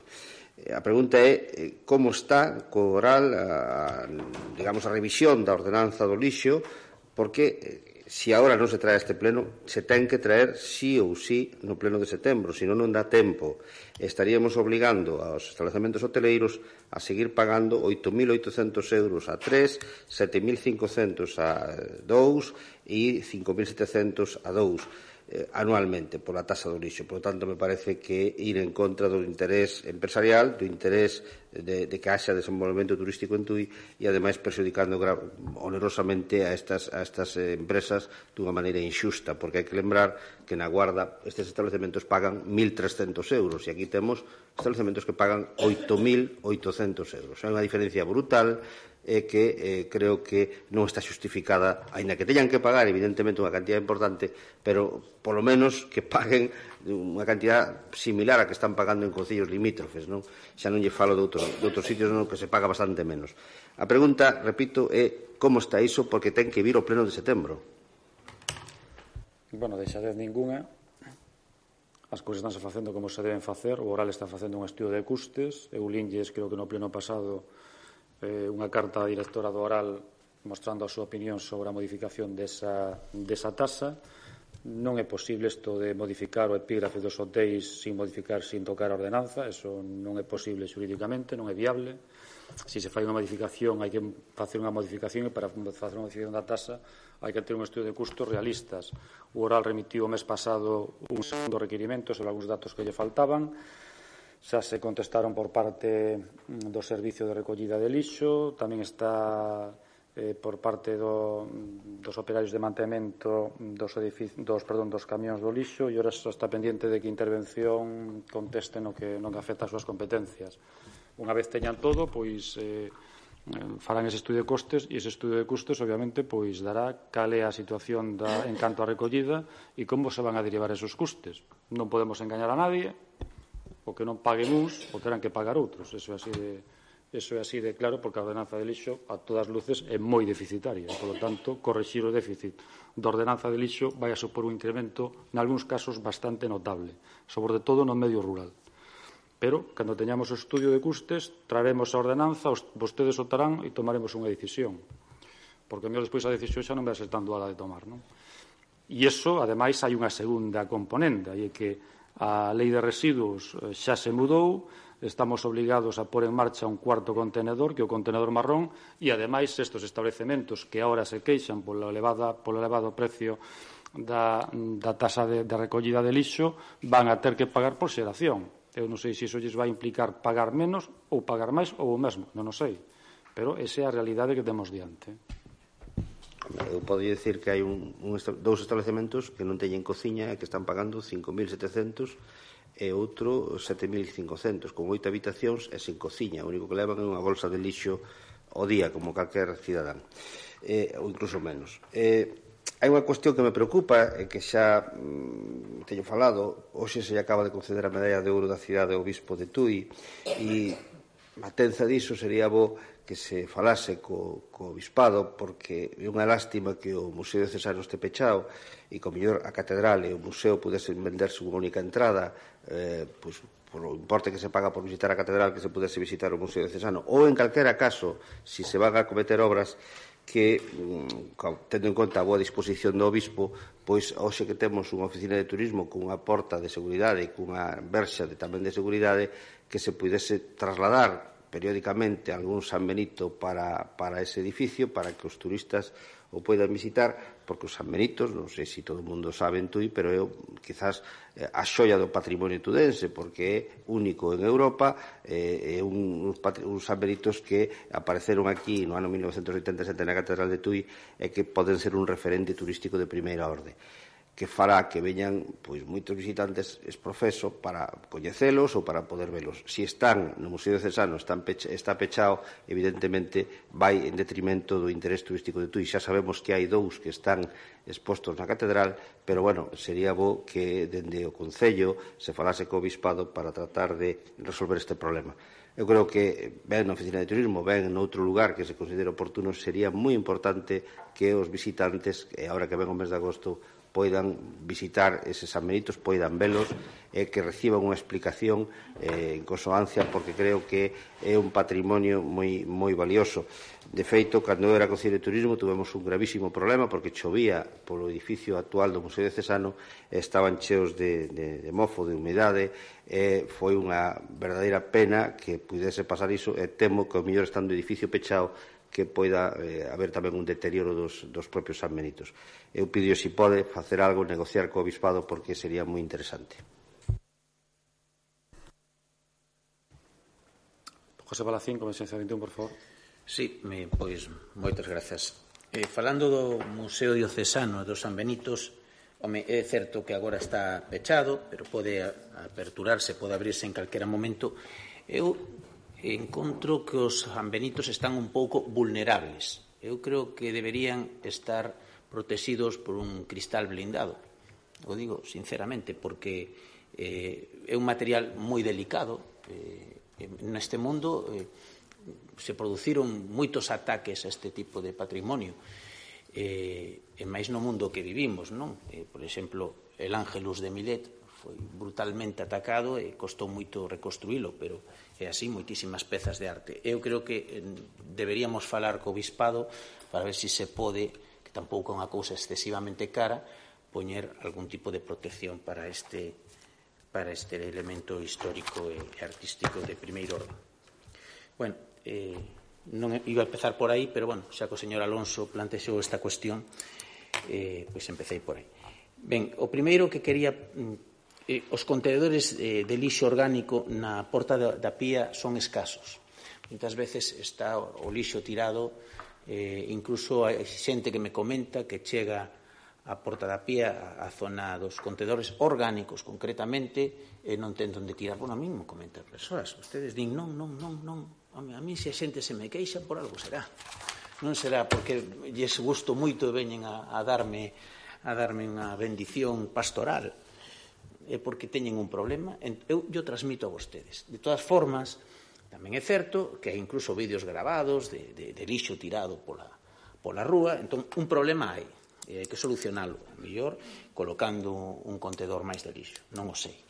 E, busquen a solución, primeiro fagan un diagnóstico, miren se esa bendición pastoral que eu lles digo é certa e despois fagan.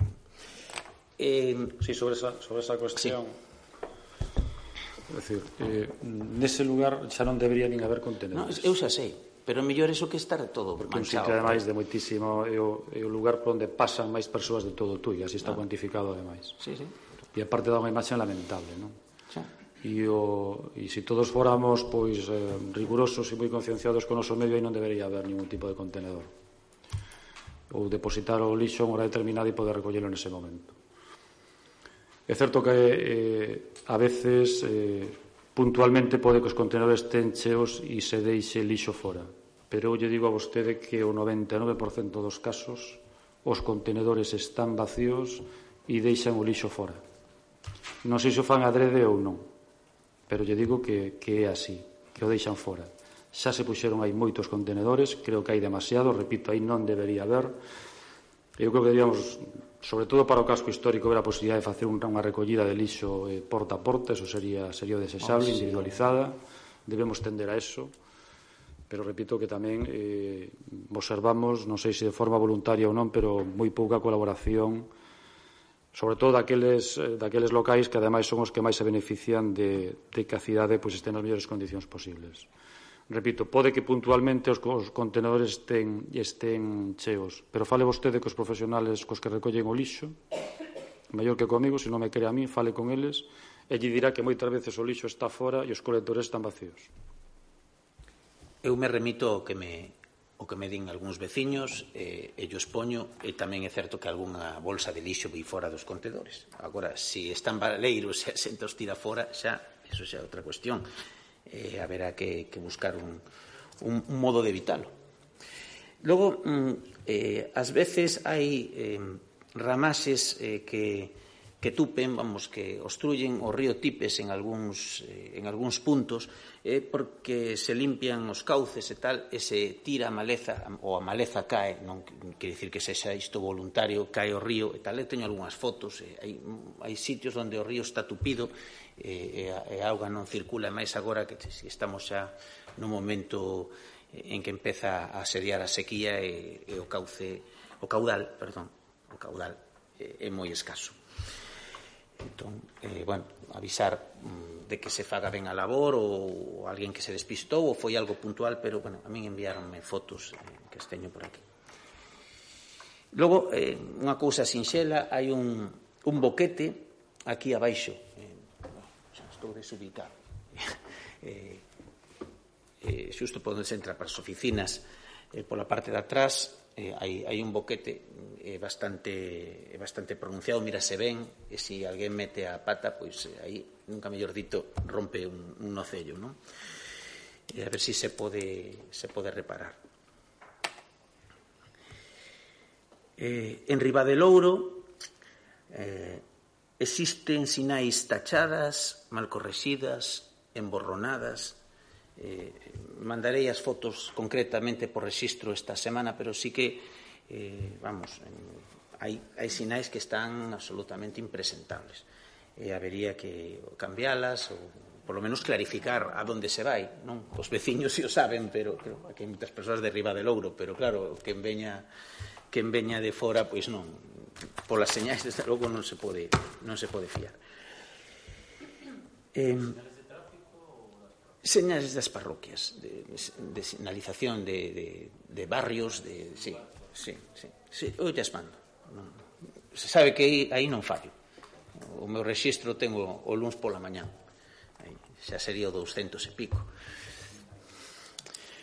Eh, contanme que en Canónigo Baliño as luces pola noite, outro día eran as 23.40 eh, e as luces eh, de Canónigo Baliño non funcionaban. E claro, están as catas arqueolóxicas, están as vallas e tal, eh, houve un pequeno accidente de moto, afortunadamente, a persoa esquivou, bueno, caí un pouco, pero non pasou nada. Pero eh, debemos estar atentos para que a esa hora, bueno, agora xa, pues, as 10 da noite, pues, estean xa encendidas, non, non se vaya tan, tan tarde. E, sin embargo, me din que pola mañán, eso se me dixo algún veciño, permanecía encendida a eso das 11, ou así, seguía encendida, debe algún problema de autómata, a ver se se pode resolver, ou foi algo puntual. E, despois sí que vou a pedir que cando hai un pleno municipal, a parte da radio municipal de Tui, que o fai fantásticamente, que se anuncie tamén na páxina do Concello dunha forma mínimamente visible, porque moitas persoas eh, pois, en, entran a, a tramitar xestións na páxina do Concello é unha boa maneira de, de, de promocionar que hai un pleno e que a xente se interese polos asuntos públicos. Xa sei que somos moi aburridos, pero, bueno, eh, alguna broma tamén facemos e, eh, eh, bueno, algo de morbo ten. Entón, anunciar un pouquiño eh, eh, a sesión plenaria creo que é un acto de promoción do interese público da cidadanía pola, pola vida política, eh, onde todos debemos participar de alguma maneira. Logo sí que me chama atención, xa estou rematando, eh, que o goberno teña un pouco de desleixo por algunhas cuestións. Hai unha obra pictórica que se chama Vestigios, ou Vestigios Visuales, Vestigios Sonoros, que é de Miguel Sánchez Pereira, que formou, formou parte dun certame, do sétimo certame de artes plásticas, que promoveu no seu día, en 1995, o goberno do señor Capón, e que, bueno, gañou un unha mención honorífica, está, con perdón, eh, tirada, tirada, diante do meu despacho que abaixo. E leva xa días aí. A palabra é tirada, porque está no chan. Entón, a mí me gustaría que, que esa obra pois, se recolla e tal, porque aí corre, corre bueno, non digo que corra perigo, pero, home, é unha cousa un pouco de desprecio, non? Tela, tela aí nun, nun medio dun pasillo tirado con con outro tipo de material, pero bueno, eso non ten importancia, pois son mobles, non? Pero esa hora sí que me chama a atención. Eh, teño por aquí, poden baixar, eh, cando acabe o pleno, ven aí. Eh, logo saliu adiante eh, no, no pleno no pleno de, de, de, de, de maio saiu adiante unha moción que presentamos o conxunto da oposición para que o mercado eh, dos xoves eh, retornara non vou dicir o sitio original, porque usted falou dunha ambigüedade, nós dixemos que, que queda, quedaba baixo o seu criterio mm, cal era a, posición, a posición original, pero si máis cerca do centro. Non? Eh, eu quero preguntar se se fixo algo nese, nese sen, sentido. Bueno, creo que a decisión do goberno é perfectamente coñecida. O goberno non vai a mudar a súa posición respecto da ubicación do mercado. E por que se astivo? porque non votou en contra. É unha bueno. cousa un pouco absurda. Ya reitero cal é a posición do goberno desde un, dende un inicio sobre esa, sobre esa cuestión. Claro, pero se hai unha moción, tiñes vostede que votala en contra. Se non pensa cambiálo, é un pouco raro, non? E non quero decir palabras así que mellor despois me arrepintan, porque non quero xa lle dixen o de Dorian Gray, non quero xa, pero home, se si penso unha cousa e vota outra. bueno, en fin eh, eh, pídenme moitas persoas maiores, eh, creo que esta é a última, mm, sí, eh, que se, a ver se se pode, eh, en Augusto González Besada, cando se sae da Praza da Inmaculada, nese paso de, de peóns, se pode levar, porque eh, moita xente eh, maior, eu non sei, aí tropezan. Eu tropecei, eh, a mí me contan que vostede tropezou, incluso. Entón, Sei que vai, van vostedes a cometer eh, unha obra aí de grande magnitude, co que nós non estamos de acordo, pero bueno, vostedes son o goberno, eh, van a cometer unha obra aí, pero, home, se alguén cae, a mellor non costa tanto facer aí un badén mentras non se acometa a obra. Porque, mire, señor Estevez, eu pedinlle a vostede, e xa con isto remato, que, que Converxencia 21 fixe un badén horroroso diante eh, diante da, do aparcamento da, da área panorámica. Fixémoslo moi mal, quedou fatal. Eh, os coches deixan os baixos aí. Eu pedinlle que o modificara. Vostede dixo, bueno, agora como se vai a facer o parking xa queda... O, que pasou ano e medio. E as, os coches que den, siguen pegando ala baixo. Entón, o mesmo digo ca, co tema de Augusto González Besada. A ver se si podemos facer as dúas cousas e, e polo menos solucionamos o problema dos, da cidadanía que, que ten un problema de inseguridade. E con isto acabo e saudar a todos os estudenses unha vez máis e se algún se va de vacacións que teña unhas boas vacacións. E eh, nos temos que seguir aquí ao pé do cañón. Carmen Núñez, vocera do NEGA. Vai a intervir o meu compañeiro, pero eu quería preguntar como vai a, o proxecto do aparcamento soterrado, se se prevé data para inicio das obras. Bueno, ahora están redactando o proxecto tanto de desvío de servicios como de como proxecto constructivo de execución e, polo tanto, pois no momento que estén rematados se seguirán cos trámites para, para a súa construcción.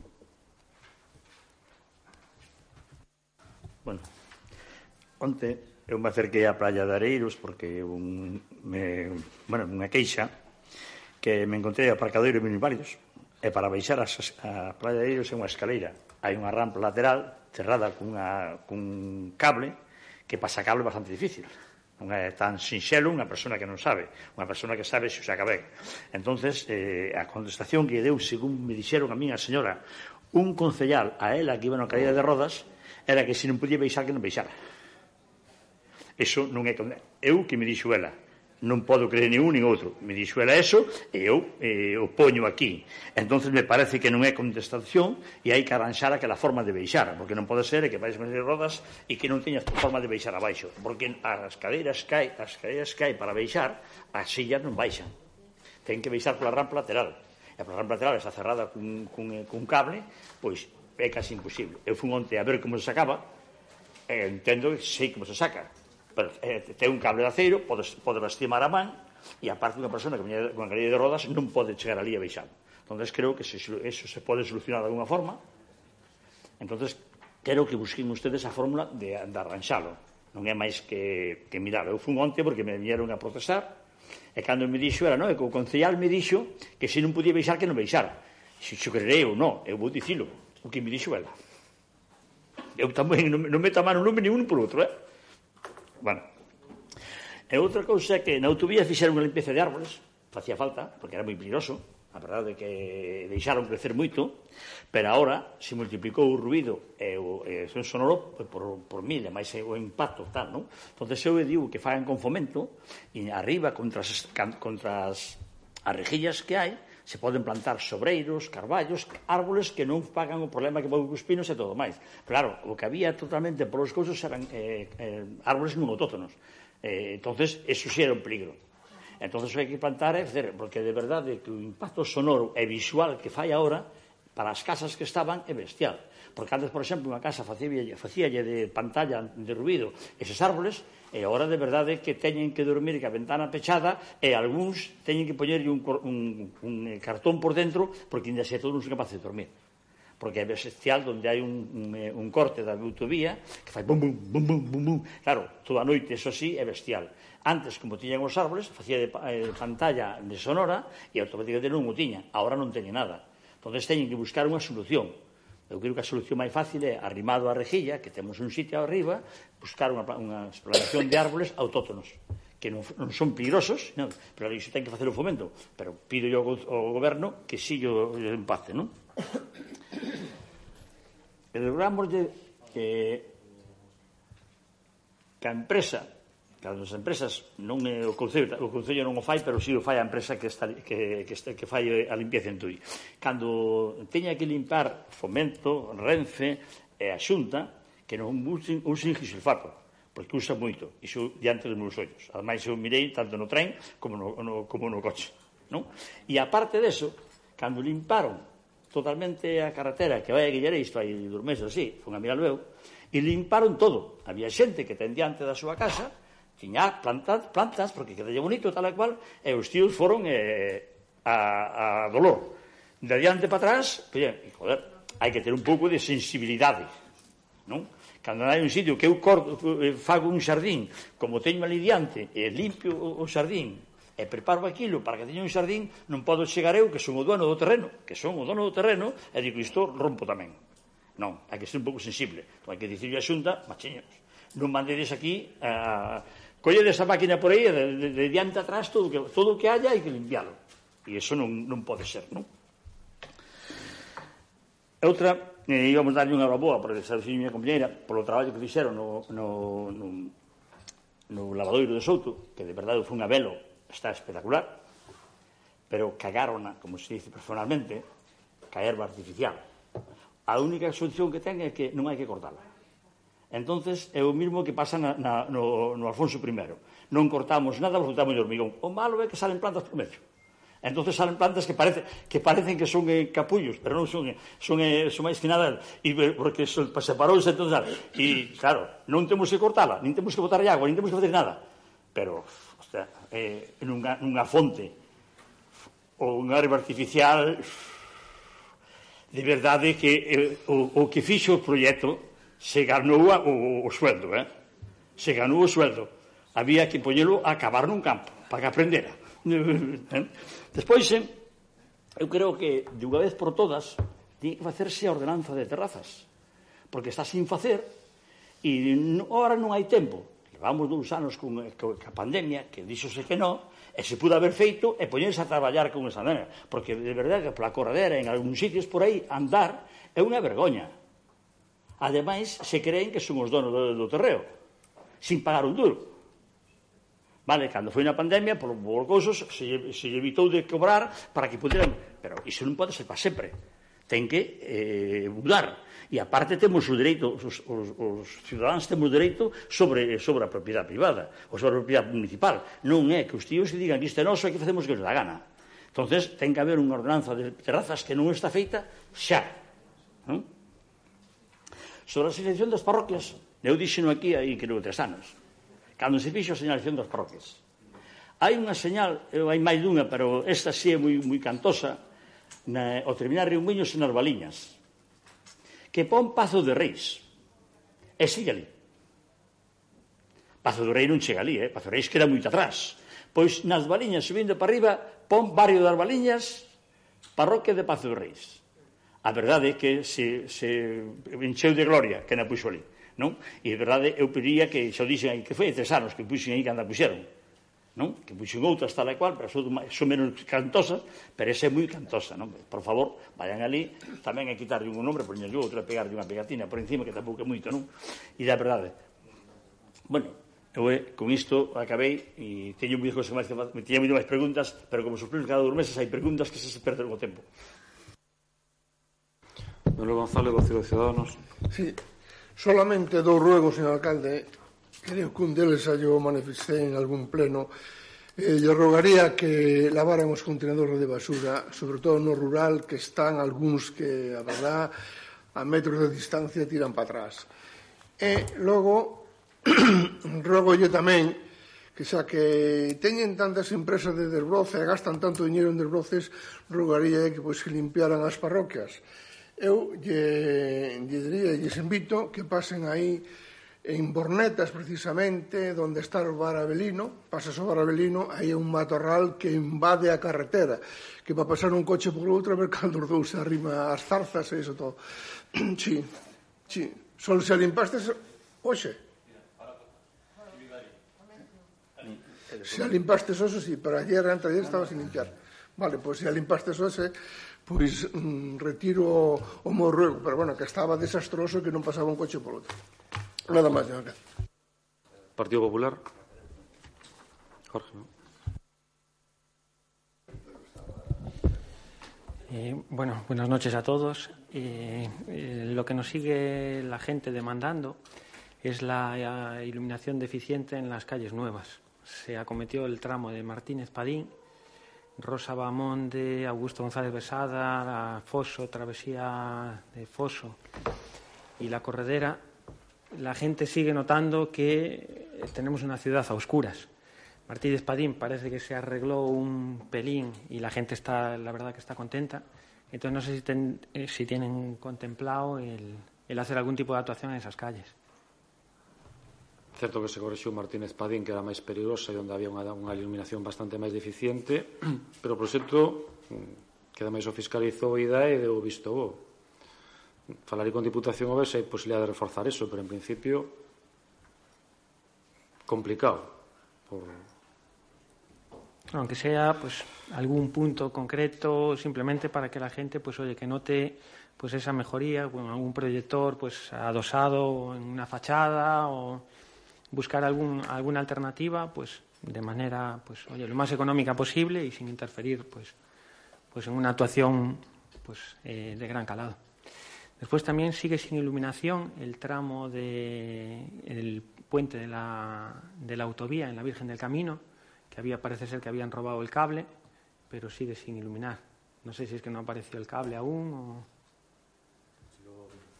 se lo transmitiré al electricista, pero decir, el hecho estaba comprado el cable, imagino que en breve estará, lo estará poniendo.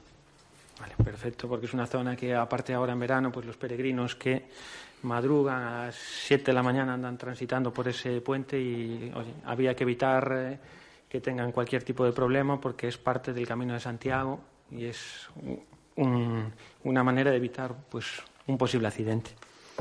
Después, a mayores, tendríamos un ruego eh, que del Departamento de Cultura a la hora de programar los eventos. Este pasado fin de semana eh, nos encontramos que, habiendo fiestas en Areas, fiesta en Malvas y fiestas en Riva Ouro, se programó el concierto de las bandas de Paramos y a mayores el FIAR, el Festival de Artes Narrúa hay determinada gente que sí que nos trasladó y dijo, oye, yo no puedo ser omnipresente y no puedo estar en el, en el FIAR, en los jardines de Valencia y a la vez el concierto de Paramos.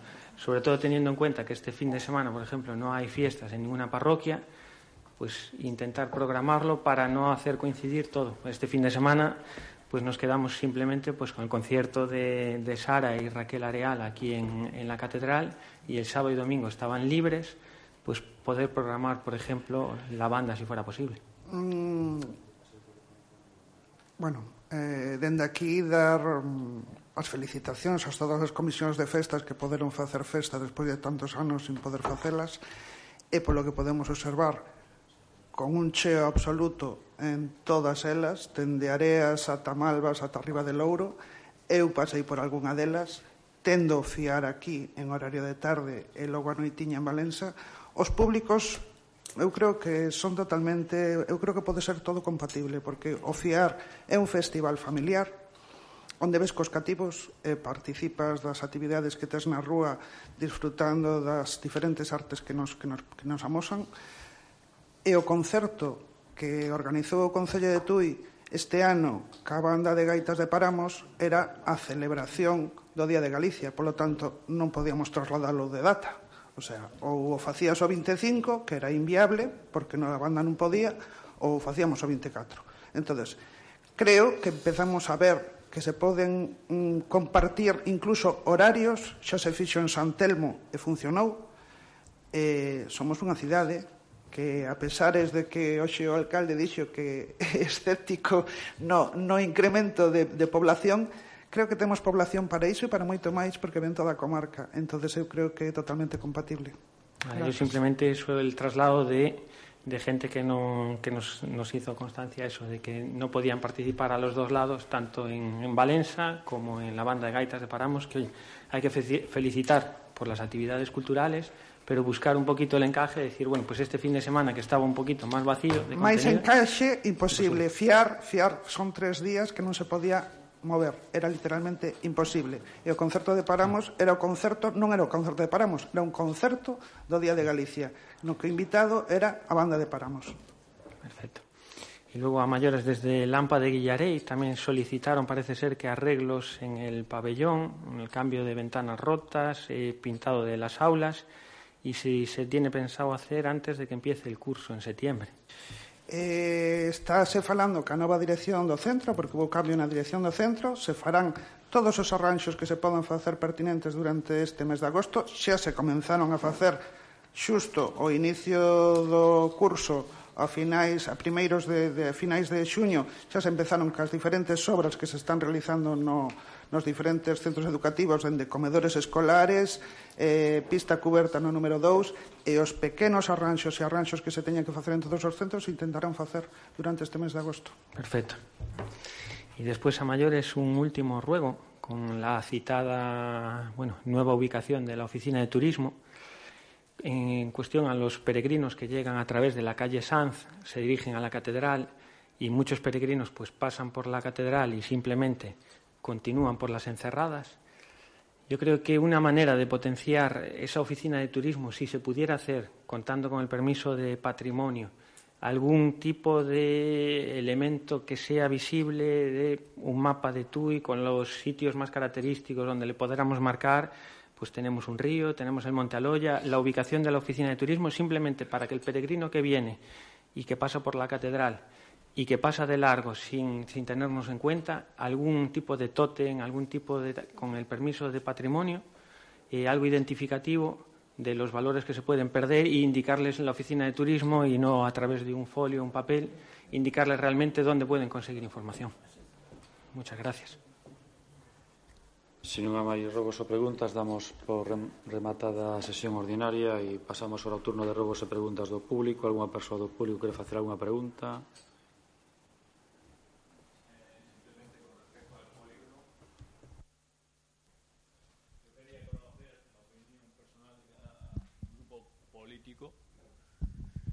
Eh, si tienen pensado o tienen la idea de cambiar lo que es el pesión tal y como está ahora con respecto al polígono.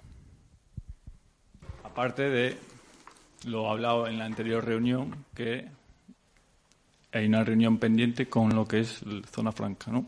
Con os regades. Sí, de feito tiña intención de falar cos responsables deste movimento para para ir a semana que ven a, a zona franca. Xa falei co delegado, dixo que non tiña ningún problema en, en recibiros, entón, no, no no momento que me digades o, o día máis axeitado, pois por ele en principio non había ningún tipo de, de problema. Cambiar o pexón, sí, pexón se pode propor o, se pode propor o, o se pode iniciar os trámites cara a cambiar o pexón, pero é un proceso complexo, longo e, e de final e de final pois pois incerto, pero eu tamén lle digo que ese presión leva aprobado desde o ano 2011, non é algo que surdir agora. Eh?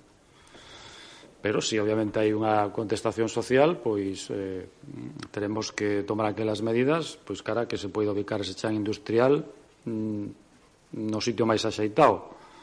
Decía antes que era escéptico, bueno, sobre esta cuestión bastante máis bastante máis todavía, desenvolver cambiar un planeamento, se si ao final se reciben as autorizacións pertinentes, é unha cuestión de moitos anos e desenvolver despois ese planeamento de moitísimos anos máis, non?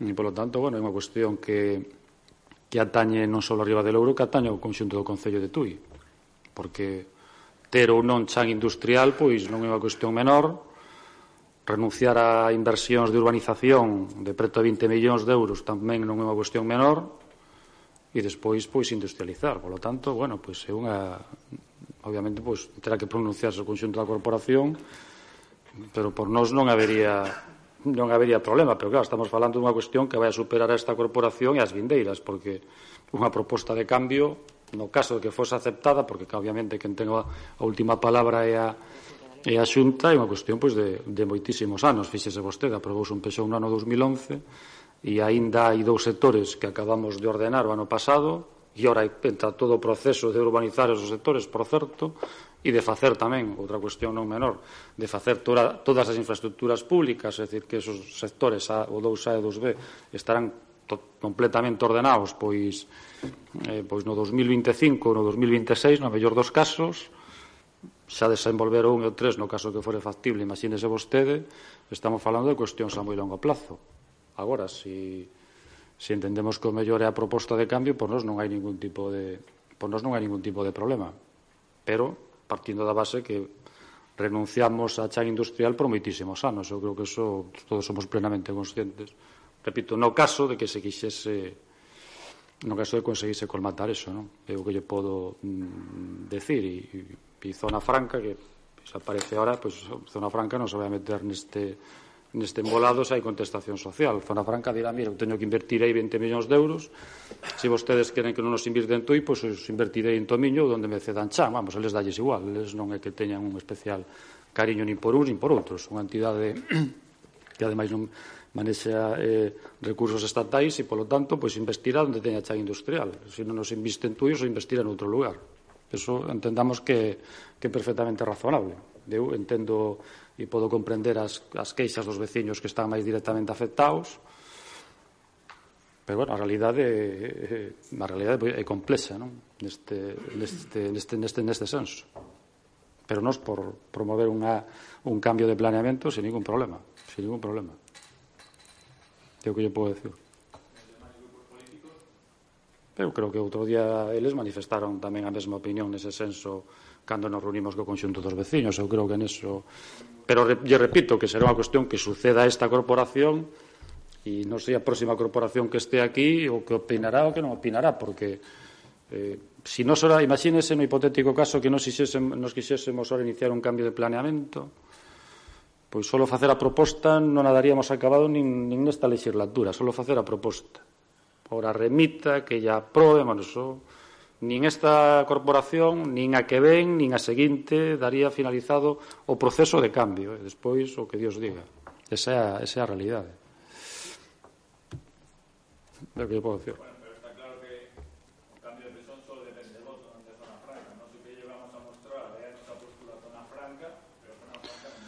Zona Franca está aquí porque o Concello lle pediu que estivera para desenvolver ese ámbito, porque evidentemente, se si non o desenvolven eles, sí, pero se si non o desenvolven eles, non o vai a desenvolver nadie.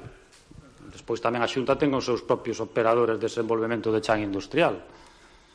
Pero bueno, a realidade é que, que decir, na zona franca xa lle digo, se non invirte aquí, pois invertirá no outro lado ou non invertirá en ningún sitio, vamos, eu, eles pois non, pois, non lles vai a causar isto especial un especial problema. De feito, se falei co delegado e así mo transmitiu. E así yo dirá a vostedes cando vaya a Galir, dirá, bueno, pois pues, se non quero o polígono aí, pois... Eh, a, a non hai. É así de claro, decir, non hai nin que cambiar peso ningún, porque se non hai ningún ente eh, que opere esa transformación non vai a facer absolutamente a nadie, menos o Concello que non ten recursos, nin, nin materiais, nin, nin financeiros, vamos. Hoy está na Franca de Vigo, mañana pode ser outro interesado, entonces creemos que lo ideal es empezar con el proceso de cambio del, del pexón. dure los años que duren, porque pueden ser 10, 15 años, pero la vida de una persona dura mucho más que 10, 15 años, entonces creo que es algo que hay que iniciar en esta legislatura y continuarla y estar encima para que se lleve a cabo. Como? Perdón? Alguna cuestión máis que que queiran plantexar? Sí.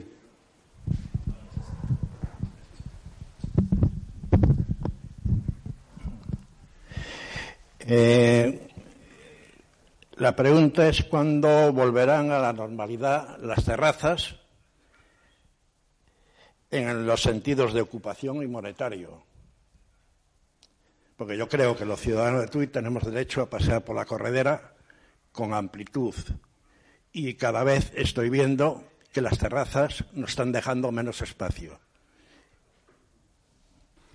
Sí, concordo con vostede. De feito, xa estábamos, na, estábamos vendo pois a posibilidade de modificar, estábamos vendo tamén os de ordenanzas de outros lugares.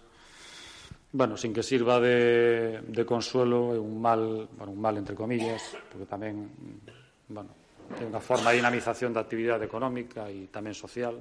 Pasa aquí e pasa en todos os lugares. E, sobre todo, pois, a raíz do COVID, sí que hubo unha expansión de ocupación de chan público dunha maneira un tanto, un tanto irracional que sí que, des, sí que se debe corregir, sí. Que vas por la corredera haciendo cizás. Y en algunos sitios los críos jugando al balón y pendiente que no te peguen con el balón. Pero bueno. ¿Alguna cuestión máis que quieran preguntar? Simplemente que ando viña pa aquí po pleno, un veciño me dice que se encontrou con un problema no baixo do coche ao salir do novo aparcamento do seminario. Ao sair, non ao entrar. É dicir que debe de estar mm, mal acotado que pegan con morro de baixo. Por lo menos el pegou, fixo bastante daño. Gracias. Vale, revisaremos eso, de acordo.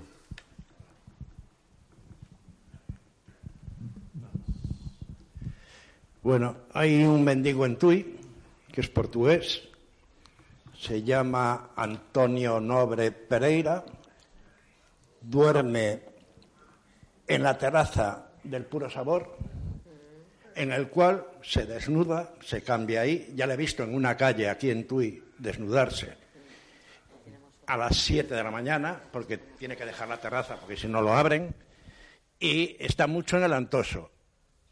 Dinero tiene porque come allí, desayuna allí, y este señor viene de un asilo de Orense, que escapó.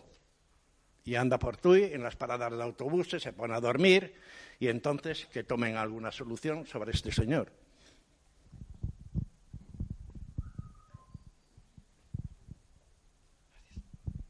Alguna cuestión máis? Bueno, sobre o tema este de, de arriba, eh, vos trasladarei que me, que me digades que día queredes ir ali e, e ali falaremos con ali falaremos co delegado de Zona Franca e cos técnicos que estaban inicialmente neste tema e e punto. E despois, bueno, pois se hai consenso en cara en aras de iniciar unha modificación, sen ningún problema.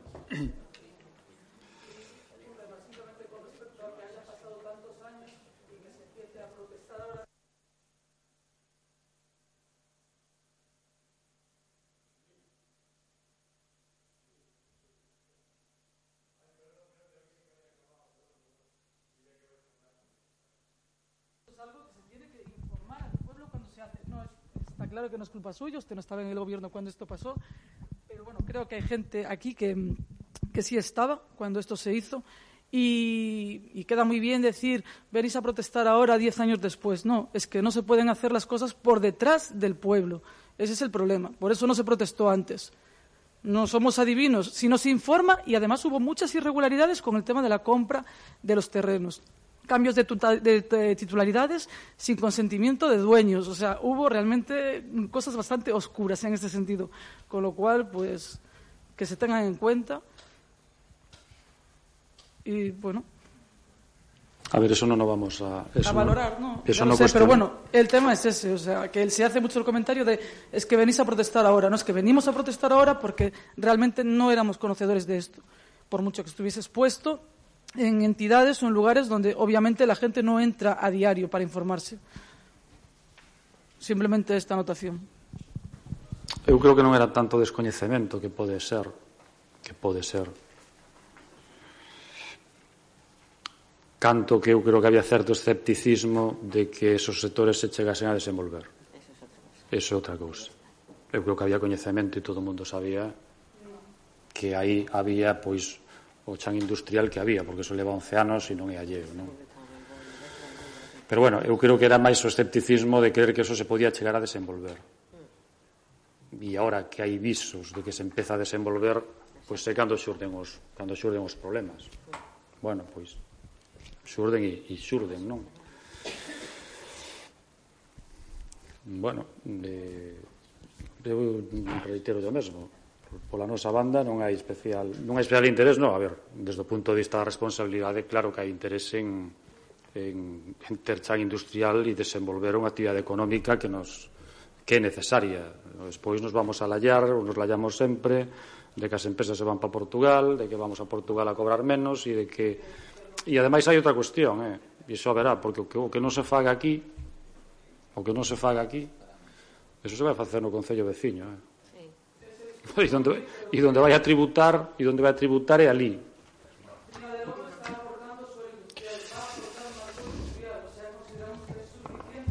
Creo que se me escucha bien. Vale. Ah, perdón.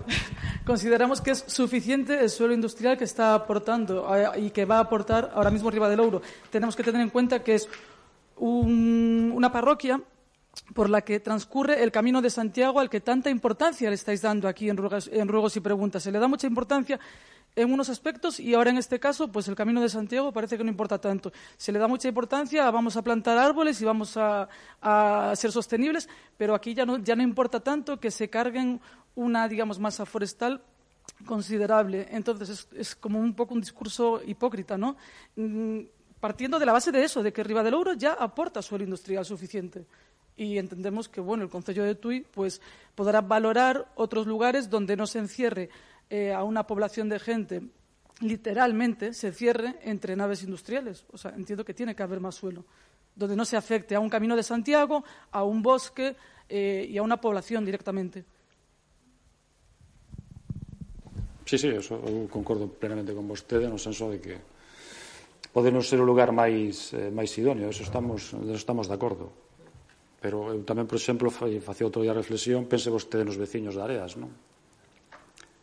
Que teña que vir aquí entonces a queimar o Concello, porque os veciños de Areas lle caíron todas. Lle caíron polígonos, lle caíron autovías, lle caíron vías rápidas, lle caíron gasolineras, lle caíron zona comercial, e dirán, eu creo que tamén estarán un pouco estupefactos dicindo, bueno, pois eh, yo lamentablemente... a comparativa, a comparativa non é a solución, ¿no? Claro, a comparativa... la comparativa non é a solución y a nosotros nos atraviesa una non... autopista por un lado, una autovía por el otro, dos polígonos, o sea, tampoco es que Riva del Ouro ahora sea ya, eh, no sé, el paraíso.